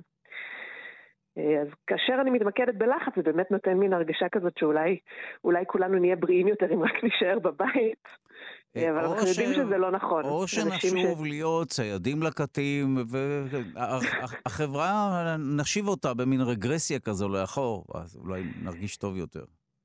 אתה יודע, אתה מתפרץ פה לדלת פתוחה, כי המון המון אנשים דנים היום ברעיונות האלה של קיצור יום העבודה וקיצור שבוע העבודה. מתוך מחשבה שאולי צריך להשאיר לנו קצת יותר זמן לעשות דברים שהם יותר טבעיים לנו. טוב, אולי ציידות לקטות, אבל באמת התקבלנו על קונבנציה מסוימת, אבל אולי היא לא היחידה. ואולי היא לא היחידה שגם תאפשר לנו להגיע להישגים ולהתפתחות ו- ו- וכולי. זה, זה גם מעניין, אבל אוקיי, כן, אבל, אבל אולי נכון, זה גם נכון. uh, פינוק של, uh, של אנשים ש... יכולים להרשות לעצמם. כן, בדיוק. זה, זה כן. גם יכול להיות, אבל בכל מקרה מחקר מאוד מסקרן. יום ראשון אנחנו יכולים להרגיש לגמרי מדוכדכים. כן, ורגישים יותר לאירועים שליליים שהתרחשו בעבודה. במובן הזה, איזו מסקנה פרקטית פה עבור ארגונים שמנסים, בסך הכל ארגונים הם לא, הם לא מקור כל הרוע, לפחות רוב הארגונים, היו שמחים שגם לעובדים שלהם יהיה טוב, ולא רק שהרווחים, שהבוטום ליין ייראה טוב. אני, אני חושבת, מרבית הארגונים אין להם פה איזה אג'נדה לשחוק את העובדים שלהם עד שהם uh, יעזבו. אני במובן הזה, כאשר מאוד ארגונים... אוהב את... רגע, תני לי לעכל את הדברים שאמרת, תני לי אה, לעכל, ועכשיו תתקדמי, כי אני מנסה, לה... מנסה להבין מה, מה לומר כתגובה, אבל אני לא אגיב. אוקיי, בבקשה. אני חושבת שארגונים יכולים, אה, בייחוד אם זה חשוב להם, אבל, אבל גם אם זה לא חשוב להם, כמטרה ערכית מוצהרת, יכולים להגיע למצב של ווין ווין. כלומר, אם הארגון צריך להכניס פרוצדורה חדשה, כי זה ישפר את התפוקות שלו, אז אדרבה, אפשר לעשות את זה, אבל כדאי לדחות את זה למאוחר יותר בתוך השבוע, כאשר העובדים יותר מסוגלים להתמודד עם הגורם המלחיץ החדש הזה. וואו, טוב, תודה לך על הסירה המרתקת הזאת. דוקטור שני פינדק, חוקרת בחוג לשירותי אנוש, אוניברסיטת חיפה. תודה. בבקשה, תודה לכם.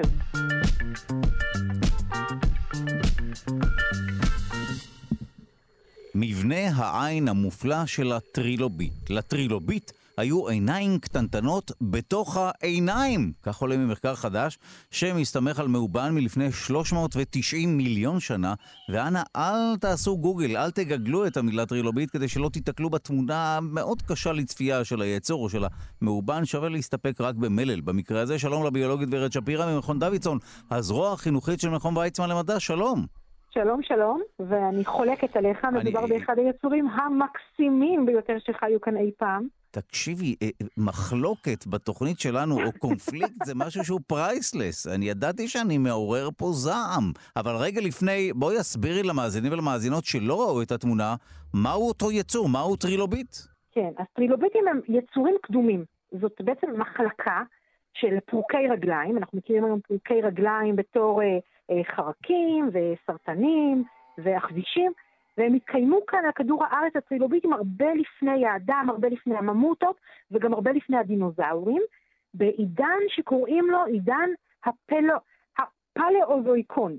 כלומר, מלפני 530 מיליון שנה בערך ועד לפני 250 מיליוני שנים.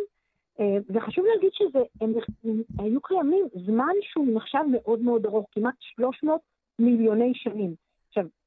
כל עידן הדינוזאורים כולו זה פחות מ-200 מיליון שנה, ובני אדם נמצאים כאן באמת רק כמה מיליונים של שנים, והם חיו הרבה מאוד זמן, שזה נחשב להצלחה ו... מטורפת. אז מה, מה, מה מסביר את ההצלחה שלהם? מה גרם להם לשרוד כל כך הרבה? או, אז, אז טרילוביטים הם מתפתחים לכדור הארץ בתקופה שכל החיים עדיין בים. אה, בתקופה שיש כבר, יש כבר חיידקים, יש כבר אה, כל מיני יצורים חד-תאיים, יש כבר צמחים ימיים, יש אפילו תולעים וספוגים ומדוזות, אבל כל החיים הם מאוד מאוד רכים.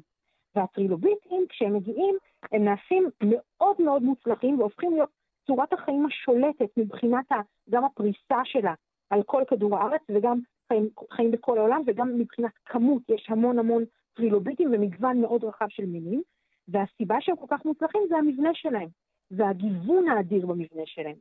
כי הם פרוקי רגליים, קבוצה קדומה, אבות הקדמונים של ג'וקים ועכבישים וסרטנים, והמשמעות של השם טרילוביט זה שלוש אונות. כי הגוף מחולק לשלושה חלקים, יש את הראש, יש את החזה בטן, שזה החלק האמצעי, ויש את הזנב. והחלק האמצעי של החזה בטן הוא מורכב מפרקים, שלכל פרק יש רגליים שמאפשרות לו להתנוע באופן עצמאי, לא רק להיסחף בזרם או לא להיות מקובל לקרקע.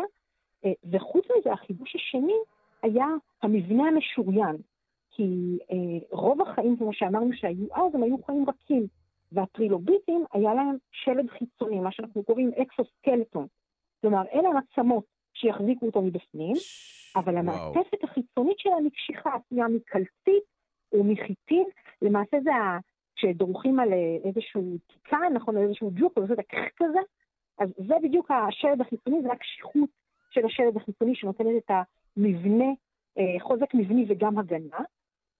ויותר אמ, קשה לפגוע בך, יותר קשה ללעוס אותך כשיש לך איזושהי מעטפת קשיחה, זה נותן איזשהו יתרון. והשלד החיצוני אה, של פרוקי הרגליים, הוא נתן לטרילוביטים האלה, אה, זה היה חידוש מטורף. וגם זה לא היה הכל, כי בנוסף מתפתחות כאן עיניים. וזה לא סתם חיישנים לאור וחושך, או איזושהי ראייה כזאת אה, אה, פשוטה כמו שיש כבר לחלק מהיצורים, יש מפתחות אצלם עיניים מרוכבות בקדמת הראש, שמאפשרות להם גם לראות טורפים, גם לזהות טרף, גם להסתתר בזמן, גם לנצל משאבים לפני כולם. והעיניים האלה, יחד עם המערך הגופני הזה, הופך למעשה את הטרילוביטים לצורת החיים השולטת. והתקופה הגיאולוגית הזאת של הופעת הטרילוביטים נקראת גם הפיצוץ או המפץ הקמבריוני, שזה מתאר איזשהו קצב התפתחות מואץ של חיים באותה תקופה, פתאום מוצאים איזושהי שכבת סלע שמתוארכת לתקופה הזאת, עם מגוון באמת אדיר של יצורים חיים. כשאם כבר הזכרת, ואנחנו מדברים מדי פעם על המפץ, אז מה גרם לקביצה הקוונטית הזו בהיווצרות יצורים? למה אז פתאום... יש כל מיני תיאוריות. הרבה מאוד תיאוריות, אבל התיאוריה, אחת התיאוריות המעניינות ביותר היא שזה למעשה היה העיניים של הטרילוביטים. כי העיניים. האלה בדומ... אה, אה, הם בעצם אפשרו להם לראות, לנצל יותר טוב את הסביבה. התחרות גדלה מאוד, פתאום היה לך טורפים ונטרפים ומערכות אקולוגיות שהן הרבה הרבה יותר מורכבות, וזה למעשה מה שהפך את כל המפץ הקמבריוני, דחף את כל המפץ הקמבריוני הזה קדימה. והעיניים של הטרילוביטים, בדומה למה שאנחנו מכירים מחרקים, הן עיניים מרוכבות או עיני תשבץ. וכמו שאמרת קודם, כל עין היא בעצם מערך של עיניים זעירות שצמודות אחת לשנייה. אה, לכל עין קטנה יש את העדשה משלה, ורשתית קטנה משלה, ואיזשהו תא עצב שמתחבר אל עונת הראייה במוח משלו, וכל המערך הזה של עין תשבץ, אה, זה נתן באמת איזשהו יתרון אדיר לטרילוביטים על פני יצורים שמערכת הראייה שלהם הייתה פשוטה, מערכת פשוטה של זיהוי של אור וצל, או תמונה שהיא הרבה פחות חדה. זה, זה, זה קצת מזכיר פיקסל של כל עין? זאת אומרת, הסיבה לריבוי העיניים בתוך כל עין זה כביכול ריבוי של פיקסלים, במרכאות? זה מערכת שהיא הרבה הרבה יותר פשוטה מעין כמו שאנחנו מכירים היום, כלומר מבחינה מבחינת אה, אה, אבולוציונית יותר קל לקחת יחידה פשוטה ולהכפיל אותה הרבה פעמים, וואו. מאשר אה, לייצר משהו שהוא יותר מורכב. הקפיצות, הקפיצה הזאת היא יותר קטנה ומאפשרת לך הרבה יותר יעילות. עכשיו, העניין הזה של עין אין תשבץ היא לא חידוש, אנחנו מכירים את זה מחרקים. אבל העיניים של טרילוביטים מסקרנות מדענים במשך המון המון המון שנים, בגלל שזה משהו שהוא גם נתן להם יתרון אדיר, גם היה הפעם הראשונה שאנחנו רואים כזה דבר, וגם מנסים להבין אם זה באמת, איך זה השפיע על ההתנהלות של היצורים האלה שאנחנו לא מוכרים, מכירים, ומכירים אותם למעשה רק ממאובנים. עכשיו, אין אפשרות לחקור רקמות רכות של עיניים של מה שלא קיים יותר, כי הם קיימים רק כמאובנים. וכאן, כמו שאנחנו רואים הרבה פעמים בהמון תחומי מחקר, אז ההתקדמות הטכנולוגית מאפשרת לנו לראות דברים שלא יכולנו לראות קודם. ובשנות ה-70, הסיפור של המחקר שאנחנו מדברים עליו היום התחיל בשנות ה-70, כשמדען בשם וילהלם סטרומר, הוא ניסה לקחת מאובן של טרילוביט ולשים אותו תחת אה, מכשיר רנטגן. והוא גילה שהוא יכול לקבל מידע על הרקמות הרכות מתוך צילום הרנטגן של המאובן. הוא הצליח לראות ממש את תאי העצב של, אה, של הראייה. עכשיו, אז זה היה מאוד מאוד חדש, אבל לאחרונה קבוצה של חוקרים לקחו את אותם ממצאים של סטרומר משנות ה-70 והחליטו לבדוק את הדבר הזה הלאה. אז הם לקחו מאובן של טרילוביט ושמו אותו במכשיר CT. הם, למעשה הם לקחו את אותו מאובן שסטרומר בדק בשנות ה-70, והם באמת הצליחו לראות את רקמות הרכות של מבנה העין. עכשיו, מה שהיה באמת מדהים זה שכשהם הסתכלו על המבנה של העין המרוכבת הזאת, אז הם ראו שהעין המרוכבת מורכבת ממשהו כמו 200 עיניות, שזה משהו שבאמת אפשר לראות אפילו בזכוכית מגדלת, אבל אז הם ראו שבעצם כל עין מרוכבת קטנה, כל אחת מאותן אה, 200 עיניות, מורכבת למעשה מעוד מערך של שש תת-עיניות. די. כלומר, זה לא עין בתוך עין, זה עין בתוך עין בתוך עין. אז, עכשיו, זה מגניב, כי זה מנגנון ראייה שונה לגמרי מכל מה שראינו עד היום, והוא אפילו עוד יותר מורכב ממה שאנחנו מכירים היום. עכשיו, זה גם משנה את השאלות שאנחנו שואלים על ההתפתחות של היצורים האלה.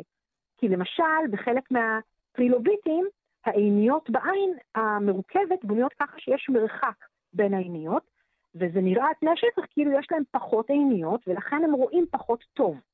אבל אם כל עינית כזאת היא בעצם עין מרוכבת בעצמה, אז יכול להיות שהמרחק ביניהם, המשמעות שלו, זה שיותר אור יכול להיאסף אל תוך כל עין, כי יש לה בעצם שדה איסוף של אור שהוא יותר רחב. ואז הראייה הזאת היא הרבה יותר טובה.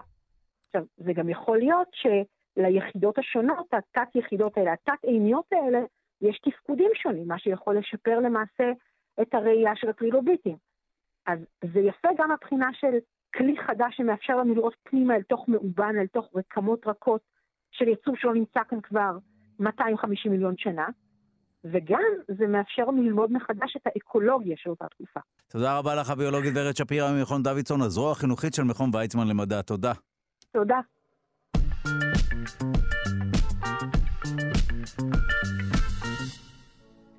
ובמסגרת פינת הקיימות נעסוק בתחקיר שפורסם השבוע בגרדיאן הבריטי. אנחנו שמחים לומר שלום ליאיר אנגל, מעצב מנכ"ל קיימה, מרכז לתכנון ועיצוב מקיים. שלום. שלום וברכה. טוב, בוא נתחיל מהתחקיר עצמו. מה בדיוק פורסם שם? מה שפורסם זה שהחברות הגדולות אה, ביותר באמריקה, ביניהם למשל אפל, אמזון, מייקרוסופט, דיסני ועוד אה, כמה חברות ענק, בעצם מובילות לובי נגד uh, החוק האקלים של הנשיא ביידן ונגד כל הנושא של הפחתת גזי חממה והמלחמה uh, בשינויי אקלים. למה? יש, אפשר להבין למה? מה, מה האינטרס מאחורי זה? הן כן. יודעות שזה לא, אה, לא ייראה טוב ציבורית. הן לא רק יודעות ש... טוב, הן כנראה מנסות להסתיר את זה, אבל זה, זה הרעיון של החשיפה של הגרדיאן. אה, אבל אה, בגדול החברות האלה כולן, אה, וחלק מהן בצורה מאוד אגרסיבית, מקדמות פעילות ו- ו- ותורמות כסף למלחמה במשבר האקלים, שזה מאוד מוזר. זאת אומרת, מייקרוסופט למשל הבטיחה להפוך להיות קרבון נגטיב, כלומר לאפס את פליטות הפחמן שלה בתוך עשור, דיסני אה, הודיעה שהיא תשתמש רק באנרגיות מתחדשות בתוך עשור, אה, ויש חברות אחרות שמשלמות הרבה מאוד כסף, למשל ג'ף בזוס, מייסד אמזון, קודם כל הוא הצהיר כבר כמה פעמים שמשבר האקלים הוא האיום הגדול ביותר לכדור הארץ, והבטיח לתת מענקים בגובה של יותר ממיליארד דולר לתמיכה במאמצים לשימור ולמאבק בשינוי אקלים, והקים קרן שאמורה לתרום עשרה מיליארד דולר למדענים וארגונים שפועלים בשינוי אקלים. עכשיו, עם כל הסיפור הזה, וככה יש עוד הרבה הרבה חברות שיש להן הצהרות, אה, אה, כולל את גוגל, אלפאבית כמובן, אה, ועוד חברות אחרות, דאו, חברת כימיקלים וחברות ענק של מיליארדים. ואז הגרדיאן, זאת אומרת, אולי לא במפתיע, מגלה אוליבר, אוליבר מילמן, הכתב של הגרדיאן, מגלה שפרס... שהחברות האלה בעצם תומכות בחברות לובי ובלוביסטים שיילחמו בחוק האקלים. עכשיו, הסיבה היא כנראה שהן חושבות שזה יעלה להם הרבה יותר כסף, mm. והן לא מוכנות לשינוי הזה. ויש פה, יש פה אה, אה, אה, עניין מאוד מאוד חמור, ושצריך להשאיר אותנו מאוד מאוד ערים. אני אנסה להסביר על מה מדובר פה. אה, באירוע היסטורי שהתקיים באפריל, והקדשנו לו אפילו פינה פה, פינת קיימות, התחייב ביידן על יעד מאוד מאוד שאפתני של הפחתת פליטת, פליטות גזי חממה, אה, בשיעור של 50 אחוז עד, לעומת הרמה שלהם ב-2005, עד סוף העשור הנוכחי. ובעצם מדובר בגידול משמעותי מאוד לעומת ההתחייבות של ממשל אובמה, שגם היה יחסית מתקדם, שהבטיח הפחתה פחותה, ובעצם חשוב מאוד להגיד שכל ההתחייבויות האלה הן בעצם תואמות את עקרונות הסכם פריז מ-2015, שכמובן כל הסיפור הזה של הסכם פריז בתקופת, אה, אה, בתקופתו החשוכה אקלימית של אה, הנשיא טראמפ, היה כזה אחד, כל העסק הזה ירד כמעט לגמרי. עכשיו הרעיון הוא להגביל את ההתחממות הגלובלית ל-1.5 מעלות, וכמובן להימנע מכל ההשלכות החמורות שהיום מדברים על זה שכמעט אין סיכוי שנעמוד בזה, אבל לפחות לא להגיע לשתי מעלות עלייה, בממוצע כמובן, לצמצם את פליטות גזי החממה ב-50% עד 2030 ולהגיע לאיפוס מלא עד 2050. וההתחייבות של ביידן הזאת מציבה את הברית במסלול מאוד מאוד מאוד שאפתני. עכשיו, התאגידים האמריקאים הגדולים האלו הם מאוד חוששים מה, מהחוק הזה, שהעלויות שלו מוערכות היום בשלושה וחצי טריליון דולר, ולכן הם באמת רצו אה, להכריז על יעדים לקיצוץ פליטות ו- ו- ואת כל, ה- כל הדברים שהזכרתי כבר, אבל כנראה שהם מאוד מאוד פוחדים מה- מהעלות האמיתית. Mm. והדבר הזה אה, אומר ככה, אנחנו, אנחנו חייבים להבין, כאילו, החברות עדיין לא מוכנות לשינוי הזה. ואנחנו אומנם אה, מרגישים שפתאום קורה משהו, נכנס ביידן לשלטון, גם אצלנו התחלף, ויש, אה, אה, אה, מדברים על חוק אקלים ישראלי גם כן, כי זה בעצם, החוק הזה יכול להגיע בעיקר אם הוא יעבור בהצלחה ב, ב, בארצות הברית. ובמקביל, אם זה לא יהיה, אז אה, אצלנו זה גם ייפול. עכשיו, סתם לדוגמה, אה, רק אה, השבוע, ממש לפני יומיים, התגלה שדליפת נפט שחשבו שהיא קטנה מול חופי קליפורניה היא בעצם אסון אקולוגי אדיר, ועדיין לא יודעים את, ה, את ההשלכות שלו. ואחת החברות למשל שפועלת נגד החוק זה חברת אקסון. שיש לה בעצם האסון הדליפה הגדול ביותר המוכר בהיסטוריה, או הראשון שהוכר בהיסטוריה, הוא שלהם. אנחנו חייבים להישאר ערים. אני רוצה לציין פה שני מושגים שמאוד מאוד חשובים, והם אולי יסבירו ויבהירו למאזינים את כל העניין הזה. החברות רוצות business as usual, עסקים כרגיל. יש להם, לכל חברה מסחרית, כמו לנו בימי היום, בחיי היומיום שלנו, יש אנחנו רוצים אה, לחיות את החיים, להגיע הביתה בשלום וליהנות. אה, החברות עסוקות במשברים של חומרי הגלם, במשברים לאומיים, בינלאומיים, עליות מחירים ומאבקים מסחרים מול חברות אחרות. וכל הסיפור הזה של להיערך לאיזשהו אה, אסון גדול או משבר נורא נורא גדול, שמדברים על זה כבר 20 שנה או אפילו יותר מזה, בטוח שבארצות הברית מדברים על זה בצורה מאוד מאוד ברורה. הפנטגון כבר לפ... למעלה מלפני עשר שנים הודיע, הגוף הביטחוני החשוב ביותר בארצות הברית ובעולם, הודיע שהאיום הגדול ביותר הביטחוני על, כדור, על uh, ארצות הברית הוא uh, משבר האקלים.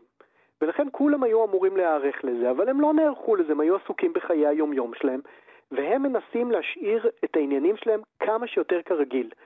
כל שינוי דרסטי דורש היערכות כלכלית, היערכות אה, מסחרית, אה, ו- וכמובן הוא דורש שינויים גדולים גם מול המתחרים. ולכן המושג הזה, עסקים כרגיל, הוא אולי אה, אה, סטגנציה של התעשייה, ואנחנו חייבים להילחם כנגדו ול, ולהודיע, גם אנחנו וגם כמובן כל העולם, לחברות שזה חייב להשתנות. הדבר השני okay. הוא אוקיי. המחיר האמיתי.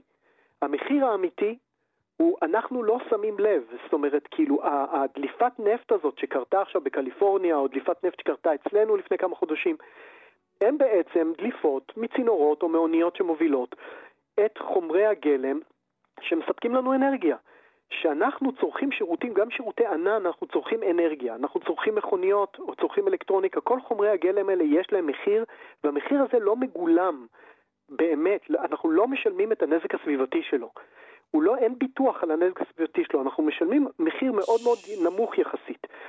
והחברות בעצם מחצינות את העלות הזאת ומפילות אותו על מדינות עניות, על ידי ניצול עובדים, ניצול מקורות אנרגיה. במקום להפנים את העלות הזו ולשלם אותה כחלק נכון, מהעלות של אבל... המוצר, העלות האמיתית.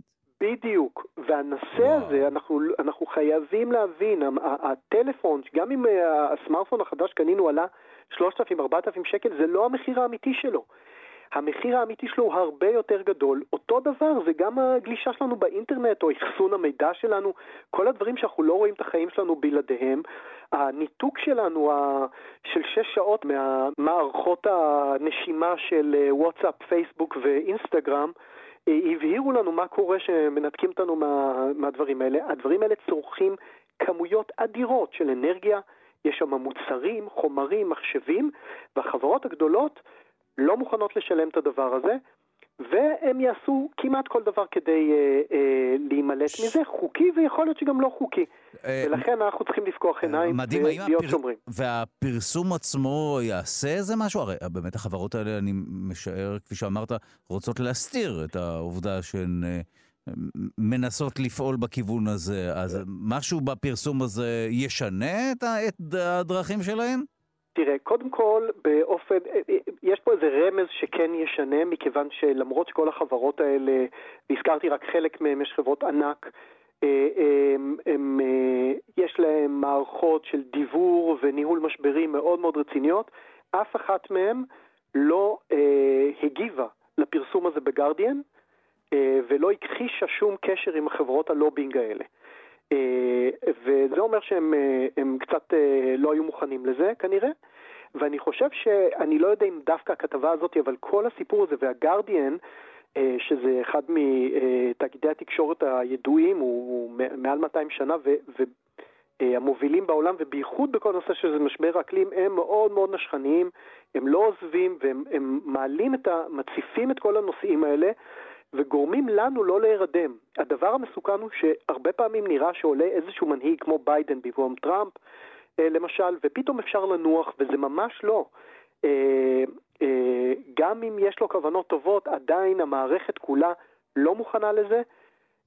בטח, ואם היא לא מוכנה בארצות הברית, היא בטח לא מוכנה אצלנו, ואנחנו חייבים ממש להיות גם כלבי השמירה של עצמנו. וואו. טוב, אנחנו נעצור כאן. תודה לך על העדכון הזה, יאיר אנגל, מעצב ומנכ"ל קיימה, מרכז לתכנון ועיצוב מקיים. תודה. תודה רבה.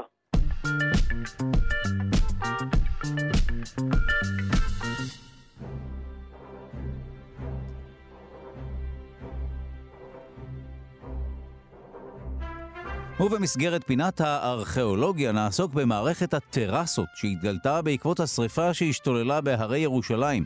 בקיץ האחרון, מי בנה את המערכת הענקית הזו, איך בדיוק השתמשו באותן טרסות. אנחנו שמחים לומר שלום למדען הראשי של רשות העתיקות, פרופסור גדעון אבני, שלום. שלום, בוקר טוב. מה התגלה uh, בעקבות השרפה בהרי ירושלים? מהי אותה מערכת טרסות? אז לפעמים איזה דבר רע, איזה קטסטרופה שקורית היום, חושפת לנו שאלות מעניינות מפעם.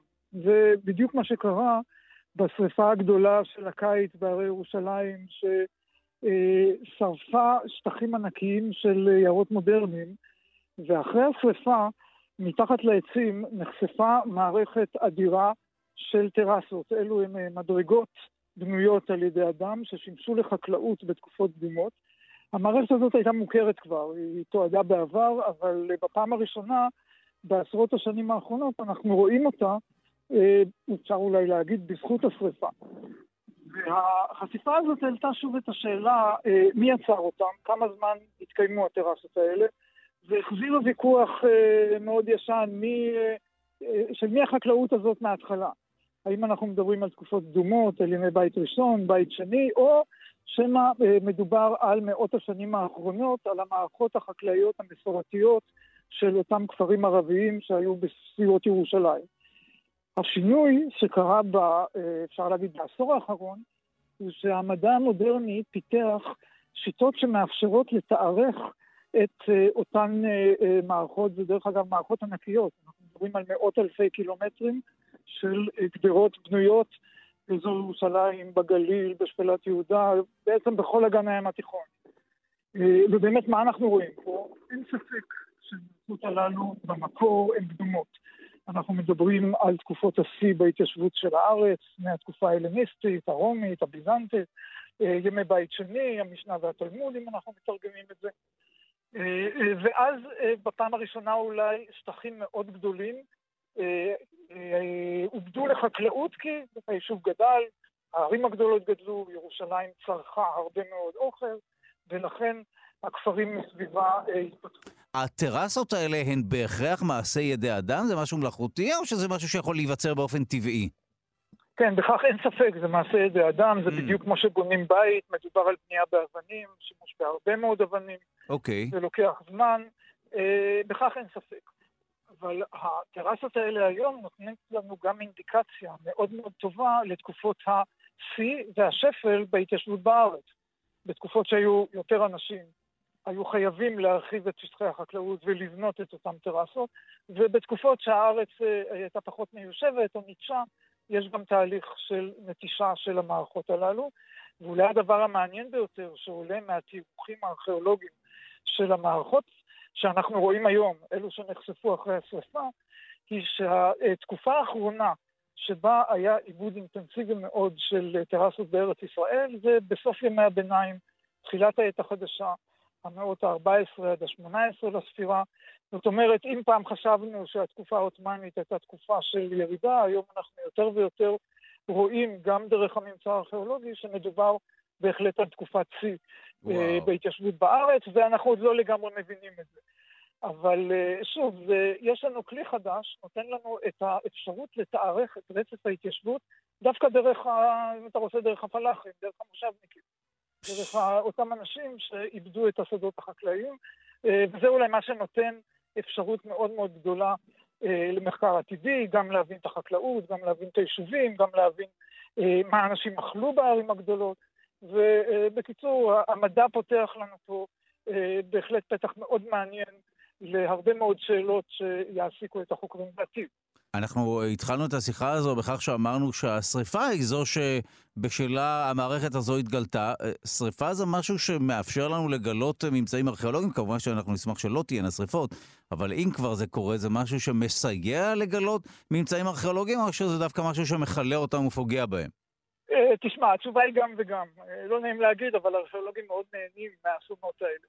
מצד אחד השריפה אה, היא גורם מחריב והורס, מצד שני השרידים ששריפות משאירות, בדרך כלל זה המעבדה הכי טובה לארכיאולוגים, וגם אותן שריפות היום חושפות לנו שטחים שידענו שהם קיימים, אבל לא ידענו באיזו עוצמה, כי הכיסוי הטבעי של הספרייה המודרנית אה, הסתיר אותם. אז בוודאי שאנחנו לא היינו רוצים שהרי ירושלים ישרפו, אבל אם זה כבר קרה, אפשר להוציא מזה גם משהו טוב.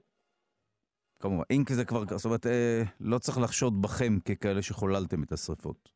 לא, לא, לא, אני מקווה שלא נגיע לזה, לא, לא, אנחנו אוקיי, בסך הכל. עדים לא, לא, אתם אנשים הגונים, ודאי, ודאי. אה, אוקיי. בדרך כלל, כן. טוב, תודה רבה לך, פרופסור גדעון אבני, המדען הראשי של רשות העתיקות. תודה.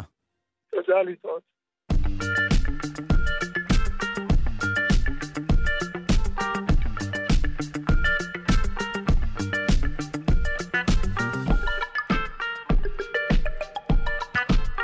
אנחנו סיימנו את התוכנית להיום, נספר לכם מי עמל על המשדר. העורך שלנו הוא רז חסון, המפיקה היא אלכסנדרה לויגר, על הביצוע הטכני די.ג'י אלון מקלר. תודה רבה ליגאל שפירא שמלווה אותנו. אתם ואתן מוזמנים ומוזמנות להצטרף לקהילה הרשמית של שלושה שיודעים בפייסבוק. כאן שלושה שיודעים. נזכיר שאפשר להאזין לי שלושה שיודעים גם כהסכת בכל זמן ובכל מקום באמצעות היישומון של כאן, גם באמצעות ספוטיפיי, אפל וגוגל, שיהיה לכם יום נעים ושקט, שמרו על עצמכם, הקפידו על עטיית מסכות, גשו להתחסן, מחר תוכנית סיכום שבוע חגיגית. להתראות.